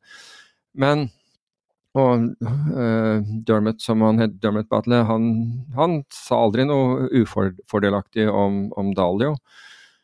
Men bl.a. at den amerikanske finansministeren ringte ved, ved, et, ved et tilfelle og, og ba om råd, så det er ingen tvil om at Dalio har, i hvert fall hadde en veldig høy standing, men Kan jeg bare lese opp hva Dalio sjøl har skrevet om det her, for de hevda jo at de ikke skulle kommentere det. Og den 7. november, altså dagen etter publiseringa, var det vel, så kommenterte de det på, på Bridgewaters hjemmeside. Skal jeg bare si i starten hva han sa? Ja, gjerne. Today, a book about Ray Dalio and Bridgewater was published. While we do not give this book more attention than it deserves, we feel compelled to state unequivocally that the overall narrative in the book is ridiculous and we couldn't be f- any further from the truth. The exaggerated depiction attempts to take aim at who we are by painting a distorted and inaccurate picture through a series of strung together stories. The result is a false and misleading portrayal of our company, culture and community. Og så det mer, men det var oppsummert. Ja, altså Han har jo gått imot alle som har, eh, har kritisert på, på noe som helst nivå. Men jeg vet at Elaine Murray, som, eh, som jeg nevnte forrige gang, at jeg hørte snakke i eh, en finanskonferanse i eh, Miami, hun hadde jo da overtatt som del-CEO sammen med, med Greg Jensen. Og hun, hun, snakket jo om det at det, var jo ikke en kultur for alle, og, og det passet ikke alle. Men hun altså Det endte jo med at hun også ble skviset ut, som, som de aller, aller fleste. For, for Dalio jeg tror i løpet av ti år uh, hadde på en måte lovet at han skulle trekke seg tilbake og finne noen til, til å overta, men jo, gjorde det aldri. Men i hvert fall Elaine Murray eh, slutter, og det endte jo i en, at hun saksøkte eh, Bridgewater, og så blir så ser det ut som Bridgewater ved alle disse tilfellene settler out of court. Uh, altså kommer til uh, Hva heter det på norsk? Når du Forlik? Ja, rett og slett kom, kom, kommer til et, et, forlik. Men det er det er, det er, altså det er den villeste historien jeg har hørt. Altså, jeg kunne bare ikke forestille meg at en person som, som, har drevet dette her frem Men det er, så, det er, så, mange eksempler. Det er så mange, mange eksempler som, som, benyttes, og så mange som da nevnes i dette av, av folk som er i lederskap eller i øvre, øvre sjikt av, av, bedriften. Og så er det De har 1500 ansatte, men det er jo, jeg tror du pekte, påpekte det forrige gang, det er veldig få som driver med en investering i det hele tatt i selskapet. Ikke bare det, det virker som at det er kun han som gjør det. Altså at han, det er han som gjør tradene? Ja, han gjør ikke tradene, det er han som bestemmer, virker det som. da, At, at det er hans, kun hans ideer. Og, og du nevnte det, og den, den er jo omtalt bl.a. hvor de hvor de i, i ånden til radical truth and transparency ser på alle market callene til Dalio og hva han har gjort for å, for å, å finne ut liksom hvor, hvor signifikant Uh, eller hvor ofte har han rett, osv. Og, så og så viser det seg at han, det er helt 50-50. Uh, og, og, det er ikke en sannhet som og det, det, Den rapporten den hiver bare Dalio, den, den skal ikke frem. Det er, men det er så mange, mange ting her. Men jeg må jo si det er The House of Horror. altså Det var sånn du du fortsatte å høre fordi du tenkte at det må komme noe, noe innimellom her, sånn som som er ålreit, eller som veier opp, eller, som, eller, hva som helst. Men det, det, blir jo, det, blir jo, bare verre. Snakk om å pirke i et sår. altså Det var nesten sånn å, å, å lese dette her. Men det var ikke Men det var mer det der at jeg var totalt uh, overrasket. Totalt overrasket over, uh, over det jeg hørte. Det viktige er jo hva tror du skjer videre? Hva blir konsekvensene av det? Altså, jeg vil jo tro konsekvensene er jo at alle investorene der, altså gjennomsnittsinvestoren, bare, bare, og det er jo fantastisk i seg selv, har 400 millioner dollar i fondet. Så det forteller jo litt. Og jeg nevnte forrige gang at minimumet, det var i hvert fall da jeg var i kontakt med dem, var 20 millioner dollar. Nå har det 100 millioner, gått opp til 100 millioner dollar. Men senere har de, vist, har, har de tatt imot så lite som jeg tror det var 250 000 dollar. Så pengene har nok rent ut. Men jeg vil jo tro at alle investorer som er opptatt av ESG, og da tenker jeg gen i, i, dette, i dette tilfellet, vil vil enten gjøre sine egne undersøkelser eller forlange eh, ytterligere undersøkelser, eller trekke pengene sine, rett og slett. Nå er jo ikke Dalio i selskapet lenger, men hvis han går på siden der og, og, og skriver, så, så, er han jo ikke akkurat ute av det heller. For han, han passet jo på å selge av sin andel av managementselskapet. Han fikk jo en del av investorene til å kjøpe han ut av, av, av selskapet. Som smart move. men det, det er en helt utrolig sak. Men det her, er jo, det her vitner jo om en person med helt sjokkerende dårlig dømmekraft. Sånn helt sånn verdenstoppen dårlig dømmekraft. Ja. Men da er neste spørsmålet er, er det noe dirt her? Ja, når det, gjelder, eh, når det gjelder dette om Altså som da Bill Ackman og, og Hva er han andre heter, da? I farten. Kyle Bass? Nei, ja, Kyle Bass også, men det er en til. Uh, hva heter Greenlight Capital? Hva er heter den, da?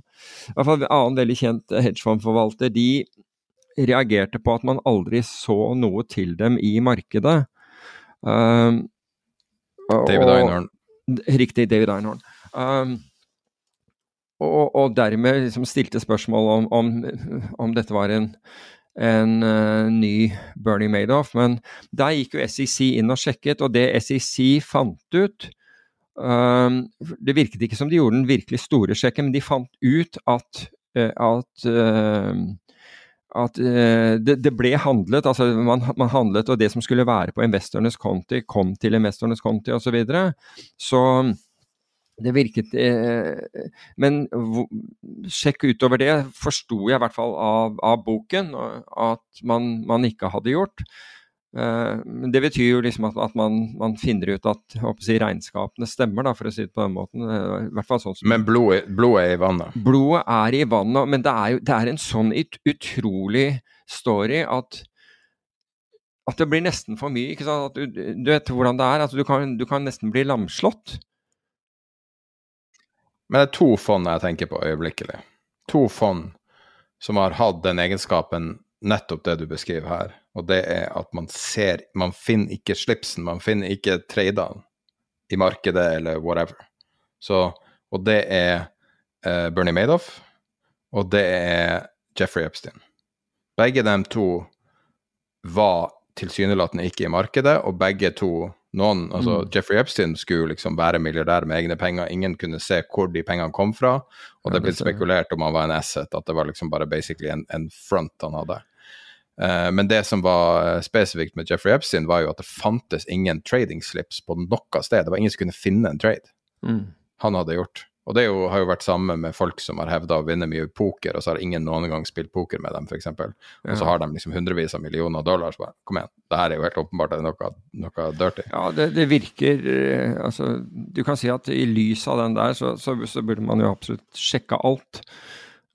Det, det, er ingen tvil om det. Så han har jo dette Pure Alpha og, og All Weather er vel det andre fondet. Og ikke var det spesielt bra resultater over tid. Det var innimellom så var det, var det gode resultater, men nei, det er um, det er liksom en altså Det var jo en enorm myte, og det, det ble litt, litt, som, følte jeg, som IBM. altså Hadde du pengene dine i Bridgewater, så ville aldri noen kritisere deg. På samme måte som hvis du kjøpte IBM i sin tid, så ville aldri noen kritisere deg for å gjøre det. Um, så Men den myten altså etter, den, etter, denne boken må være, må være brutt. Den Altså, jeg er glad for jeg har lest den, fordi jeg syns den virker veldig grundig. Og det, det, det, mangler jo ikke på, på, på referanser brukt her. Uh, men det er, uh, det er, det er hoderystende, rett og slett. Det var sånn uh, Jeg ville høre på den var ute og, ute og løp om morgenen og, og, og, sånne ting. Og, og du tenkte å gud, hva, hva, hva, kommer i dag? hva kommer i dag? Det var jo litt sånn der, what the hell? Hva, hva kan det være? Men det er, det er, absolutt en kult. Det er ingen tvil om at dette her er en kult. Og så har han sitt eget interne PR-byrå som da skal som, som, rykker ut hver gang det var et eller annet. Som rykket ut og, og sørget for, for, for narrativet. Så nei, det er Altså, det, det, er ikke en kjedelig bok, det kan jeg i hvert fall si. Det er ikke en kjedelig bok, men det er en, det er en bok som får deg til å får deg til å si er det virkelig mulig? Er det virkelig mulig? Et så stort setup som, som, som dette. Og pettinessen der, altså det kunne være hva som helst. og Det kunne være at kaffetrakter ikke var, fullt, var, fylt, og tre dager på rad, og så var det noen som regnet ut at det altså Da var det noen som ikke fylte den som de skulle. Og da, var, og da ble det iverksatt en etterforskning og en intern public rettssak mot disse. Og det hvor disse gjør seg som dommere, det er, det er helt vanvittig. Det er helt vanvittig. Er ikke det de sier, at the bigger the lie, the easier the cover up? Kanskje. Kanskje, men uh... Og folk vil tro på det. Folk vil lese boka. Jeg snakka med folk som er fan av han, og de klarte nesten ikke å bearbeide at det her var feil. Ja, og det, og det, skjønner jeg jo, ikke sant. Altså Hvis du fullt ut Og det var jo det samme med, med, med folk som forgudet Bankman Freed og, og, um, Michael Lewis blant dem. Altså Det var jo helt rettssakens siste dager hvor det virket som, som, som, lyset kom på der, for alvor. Du vet jo hvem som også skrev en sånn bok, sånn uh, bibelaktig bok? Nei. Han uh, Elron Hubbard, han uh, bak scientologi. Oh, ja. Det er jo en av de bestselgende bøkene i verdenshistorien. Ante jeg ikke. Ante jeg ikke. En del likhetstrekk der. Så. Det er definitivt en, en conman, men om han er en conman i form av at han har lurt penger, det er litt vanskelig å si, men han har definitivt conna verden med hvem han er. Mm. han her er bare et svin. Enkelt og greit. Ja, enkelt og greit. Men skal vi ta noe hyggeligere helt på slutten, og det er de, de to siste uh, Patron-episodene? Ja, vi fikk veldig mye skryt i dag på, uh, på, på Discord. Det var artig. Og folk som likte det, og fått mye, mye, igjen for uh, begge intervjuene. Vi hadde jo Anders Mæland fra oljefondet for to uker siden. Og så hadde vi Knut Erik Eldjarn, som vi kommer til å ha et klipp av i slutten av denne episoden. som er da en selvlært marketmaker. Mm. Hvis, hvis, jeg kan si noe om, uh, om Anders Mæland altså, Første gang jeg var borti han, det var i forbindelse med, med Mindfulness, da han, uh, da han, publiserte boken sin. Eller på lanseringen av boken, for å si det på den måten. 'Stillhetens råskap'. Og det er første gang jeg var borti han. Og jeg var for så vidt imponert over, over det foredraget han holdt, og, og over boken. Um, og det jeg vil si, er altså, av det intervjuet der Hvis det er intervju altså, som jeg tror de aller, aller fleste vil få personlig nytte av, så er det å høre det. Altså, hvor, hvor, altså det er mange, mange ting som, som, som, snakkes om i det intervjuet, men jeg, det slo meg hvor, hvor, altså Det spiller ingen rolle hva du driver med, om, om du er i finans eller idrett eller, eller hva som helst, eller hva, hva, du på en måte sliter eller ikke sliter med, så tror jeg at det intervjuet gir deg enorm uh, uh, informasjon. Praktisk, praktisk, informasjon. Altså, det var akkurat det samme som da, da vi hadde forsvarssjefen på, så følte jeg at, at, der var det liksom spesielt begrenset til Eller ikke begrenset til, men der var det lederskapet. Altså hans filosofi og tanker rundt lederskap som, som var det som som acet det i intervjuet. Men her er, det, her er det rett og slett personlig utvikling i, det, eh, i intervjuet med, med Anders Mæland. Så det har ikke noe med om du, om du tror på eller praktiserer mindfulness eller noe sånt. Det er, det er ikke det dette her handler om. Det handler egentlig om, om menneskelige reaksjoner og hvordan, uh, hvordan, forbedre seg selv og hvordan tenke over ting. Og jeg syns det var utrolig bra uh, på, på, det om, om, området. Når det gjelder det andre intervjuet, uh, som det var jo rett før, før, før helgen nå, med, med, med Eljarn, så var, er jo det det er interessant både fra et nerdete perspektiv om hvordan tjene penger i finans slash krypto, fordi altså, akkurat de tingene han snakker om, det er felles for, for begge, men, men, hvor han forteller om muligheter som ligger i det, i det markedet nå, og hvorfor de ligger der. Og dette handler ikke om at du skal kjøpe bitcoin eller selge noe, det er, det er ikke det det går. Det er bare rett og slett hvordan se, altså hvordan finne alfa uten at du tar risiko på hvilken vei bitcoin må, må, måtte, måtte, gå i de neste ukene, månedene eller, eller, eller, dagen, for den saks skyld. Og veldig, veldig likt hvordan det, hvordan det var i valutamarkedet før elektronisk handel kom. Mens vi hadde voice-kommunikasjon. Da var det altså han det, det, er som å ta det tilbake i tid, selv om han handler elektronisk, jeg vet det. Men da, da elektronikken overtok i, i, i, valutamarkedet, så ble det brått så profesjonelt at, at, massevis av muligheter forsvant, særlig arbitrasjemuligheter. Det gjorde nok også i krypto, inntil FTX gikk over ende og markedet ble mindre likvid som det har blitt nå, færre marketmakere som han er, som han er inne på, men som skaper muligheter. Store muligheter for, for aktører som, som, han.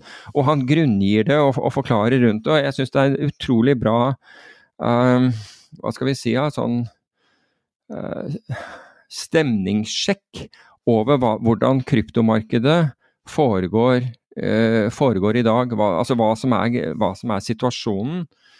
Situasjonsrapport er egentlig jeg, jeg lette etter uttrykket. Situasjonsrapport på hvordan kryptomarkedet er i øyeblikket. Og nå snakker jeg ikke bullish, bearish eller noe sånt, men hvordan markedet fungerer akkurat i øyeblikket. Kan jeg bare presisere en ting som er veldig viktig? Fordi at 70 av lytterne, 50% av lytterne sjekker helt ut når de hører ordet krypto. Veldig mange liker ikke å høre om krypto, bryr seg ingenting om det. Men hvis du hater det, og du tenker 'jeg har hørt nok om krypto for et helt liv', så burde du fortsatt høre på. Fordi at det han snakker om, er hvordan du kan være smart og få en edge med å være smart. Og det er på en måte det som er så artig med å intervjue han.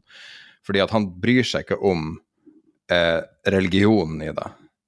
Og da kan man snakke om hva som helst, fordi at hans approach er så systematisk og så, så intelligent at man kan lære så mye av det. Så det er viktig å presisere at det handler på en mm. måte ikke om krypto i det hele tatt. Nei, altså, altså, Man er jo helt antagonistisk i forhold til det. Hvis du er antagonistisk eh, til å plukke opp arbitrasjer der de måtte dukke opp, og det bør man være, for en arbitrasje per definisjon skal være nær null risiko å, å gjøre, men gi, gi deg en gevinst. Uh, og det er litt som enhjørninger å, å, å, finne om dagen, men akkurat i det markedet der, og han forklarer hvorfor, så finnes det sånne, sånne muligheter. Så jeg, jeg, tror også det derre at det kan være at du ikke er interessert i krypto i det hele tatt og sier at det er uansett ikke noe for meg, men du lærer noe rett og slett på fordi han, han forteller litt om tenkingen rundt det. Og av det lærer du. ikke sant? Du tenker ok, kanskje, kanskje det fins muligheter i andre markeder, uh, andre steder enn en, en krypto på samme måten. Så vel verdt å høre. Begge to. Ja. Uh, og så um, tenkte jeg kunne si et par ord om uh, om Patron generelt. Så hvis du går inn på Hvis du går inn på nå sitter du sannsynligvis og hører på denne episoden i en podcast-app. Det de fleste kanskje ikke har fått med seg, er at det følger med et skriftlig dokument på alle episoder. Noen kaller det eh, sånn eh, episodetekst, eller altså de, de har, de, Man har ingen standardisert tekst, men på alle podkast-apper kan du si liksom see description, som regel. er det da. Og inne der så legger vi alltid ut en ny liste over intervjuene vi gjør. For det er lista over alle intervjuene vi har gjort, og det er den jeg sjøl bruker, for vi bruker jo å publisere dem på feeden med jevne mellomrom, kanskje et år etter vi har gjort dem, sånn at liksom det blir hørt av alle sammen. Eh, men der finner du ei liste over intervjuene vi har gjort, og der vil du da se, hvis du aldri har prøvd Patrion og ikke forstår hvorfor du skal betale for en podkast, så det du egentlig betaler for, er en kombinasjon av at podkasten er tightere. Det er ingen promotering, ikke intro, det er ikke reklame, det er ingenting sånn. Så hvis du er en person som er allergisk mot reklame, så er det din måte å, å unngå det på. Så vi tilbyr det der vi fortsatt uh, har en inntekt på det, men uh, likevel uh, det, er en, altså, det mange mener en bedre opplevelse. Men så er det også da, når du ser denne lista over intervjuer, så um, Uh, hvis du bare går inn der, så ser du Anders Mæland, Sam Lessin osv. bakover. Så vil du også se alle der du kan klikke rett inn. Eller så kan du gå inn på patrion.com uh, skråstrek tid er penger. Men da tror jeg vi bare klipper rett inn til et, uh, liten, et lite utdrag av det siste intervjuet med Knut Erik Eljan. og så er han også å finne på discorden. Det finner du også der. Der kan du tep.social. Det er sånn du kommer lettest til Discord. Men da tror jeg vi er ferdig med dagens episode og klipper rett over. Tilbake neste uke.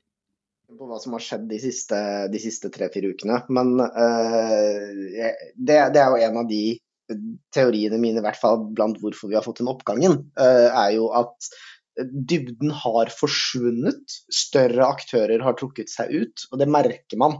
Man merker det virkelig, og det er derfor igjen eh, jeg er over på Tether-markedene. Fordi det er de eneste markedene hvor du ikke blir kjørt av mangel på dybde. Så hvis du skal faktisk handle for store summer, hvis du skal få korrekt pris, så må du nesten innom Tether på et eller annet sett eller vis. Um, hva er praktisk, hva det betyr sånn rent praktisk? For når du sier dybde, mener du dybde i ordreboka, da? Hvor mye volum som er tilgjengelig for handelen? Ja, ja. Sitter folk bare og ruger på, og ruger på bitcoin, liksom? Er det det som skjer i realiteten?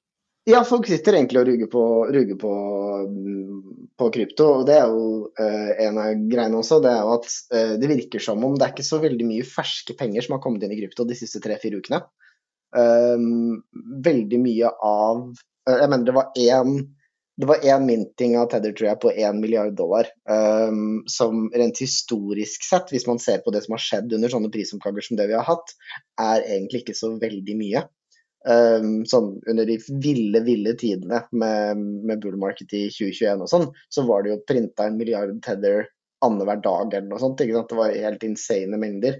Uh, og printing av Tether, når jeg da sier det, så er det jo, det er jo da en konsekvens av at noen har dollar, kjøper Tether, og så printes Tether uh, on chain. Det er det som i praksis skal skje, og ser du, ser det Jeg ser det veldig klart med USDC, siden jeg jobber ganske tett med Circle, um, hvor man, hvis jeg sender inn dollar til Circle for å få USDC, så printes det on chain, og det kan jeg spore, eller jeg kunne spore, nå gjør det det litt mer i batches, men jeg kan fortsatt se det sånn cirka når det blir mye printing og når det blir mye redemptions.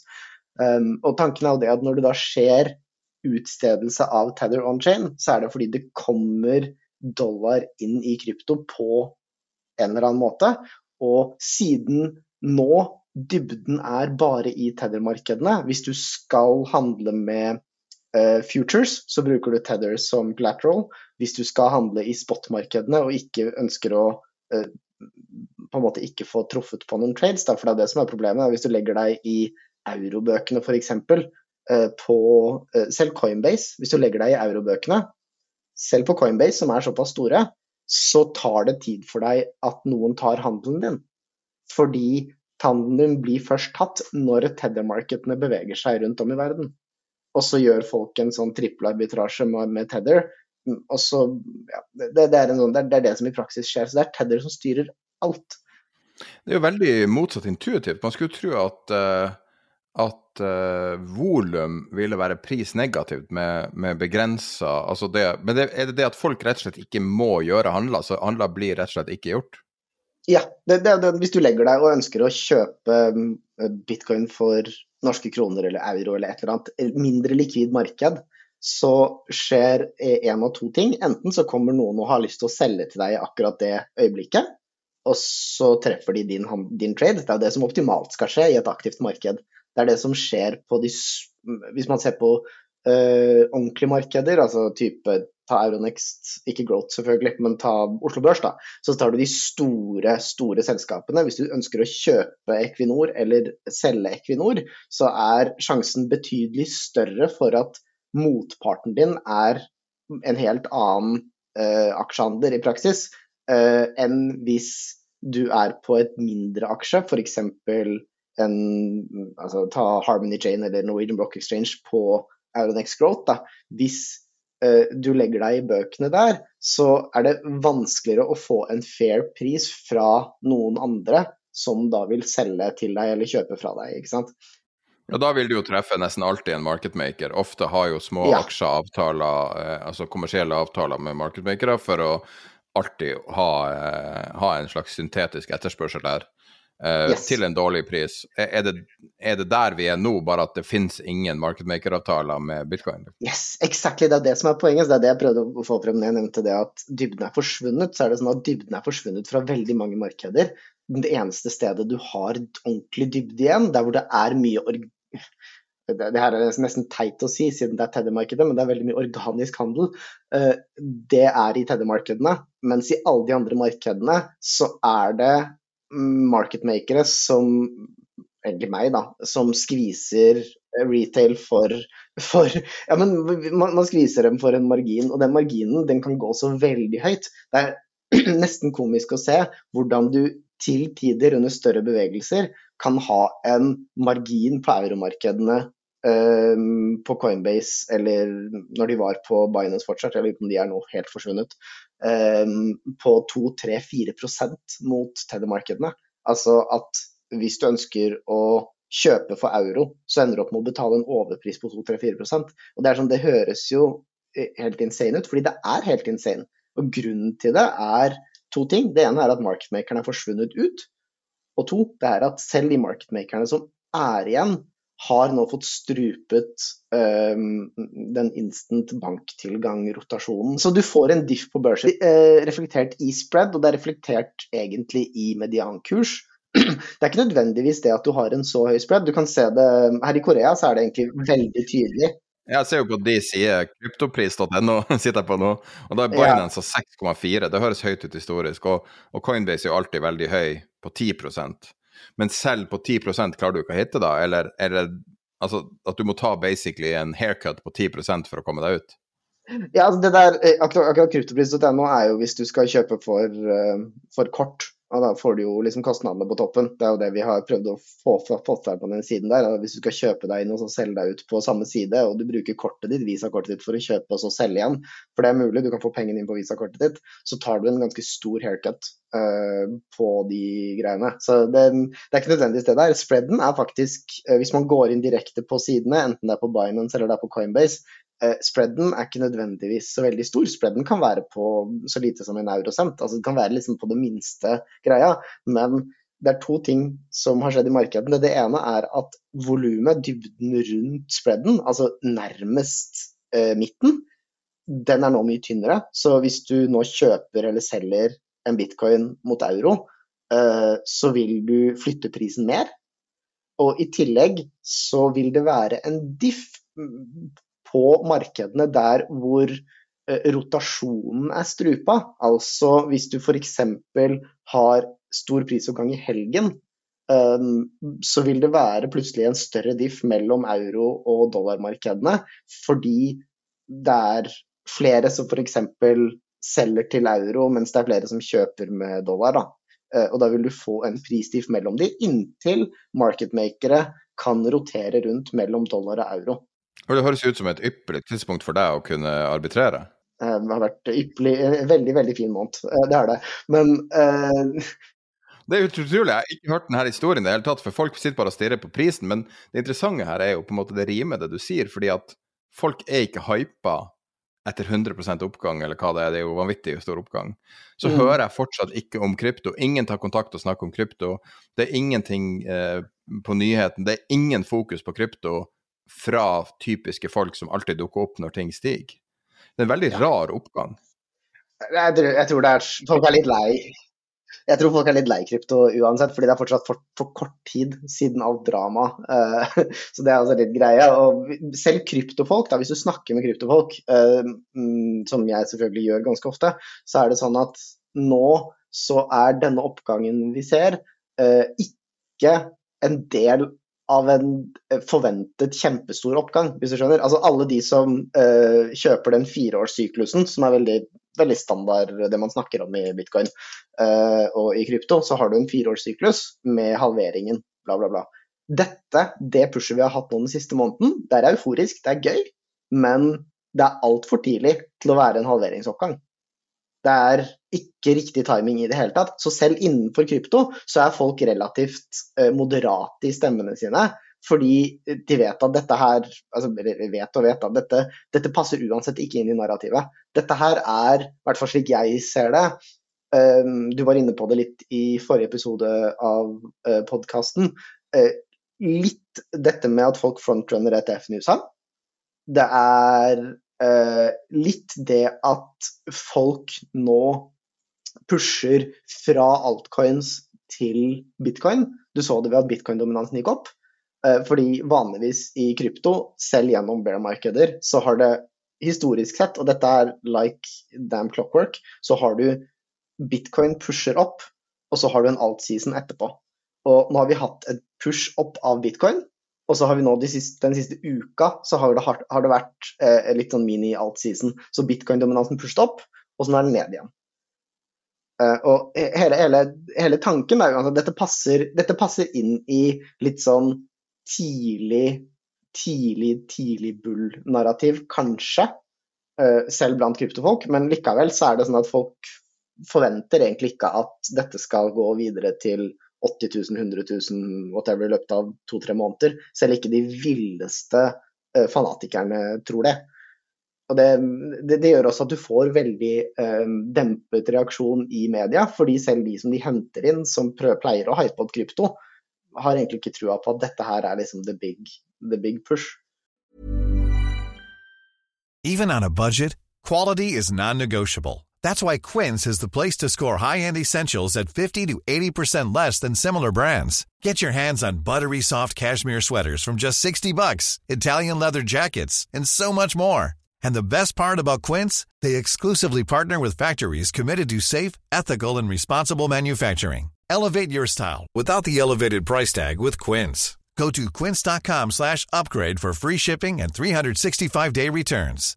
Hi, I'm Daniel, founder of Pretty Litter. Cats and cat owners deserve better than any old-fashioned litter. That's why I teamed up with scientists and veterinarians to create Pretty Litter.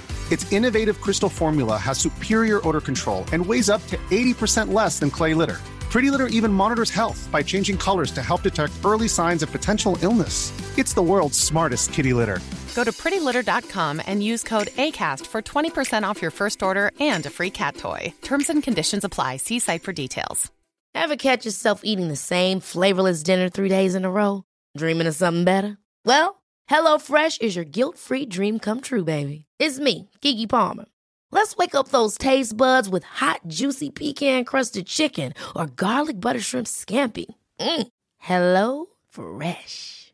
Stop dreaming of all the delicious possibilities and dig in at HelloFresh.com.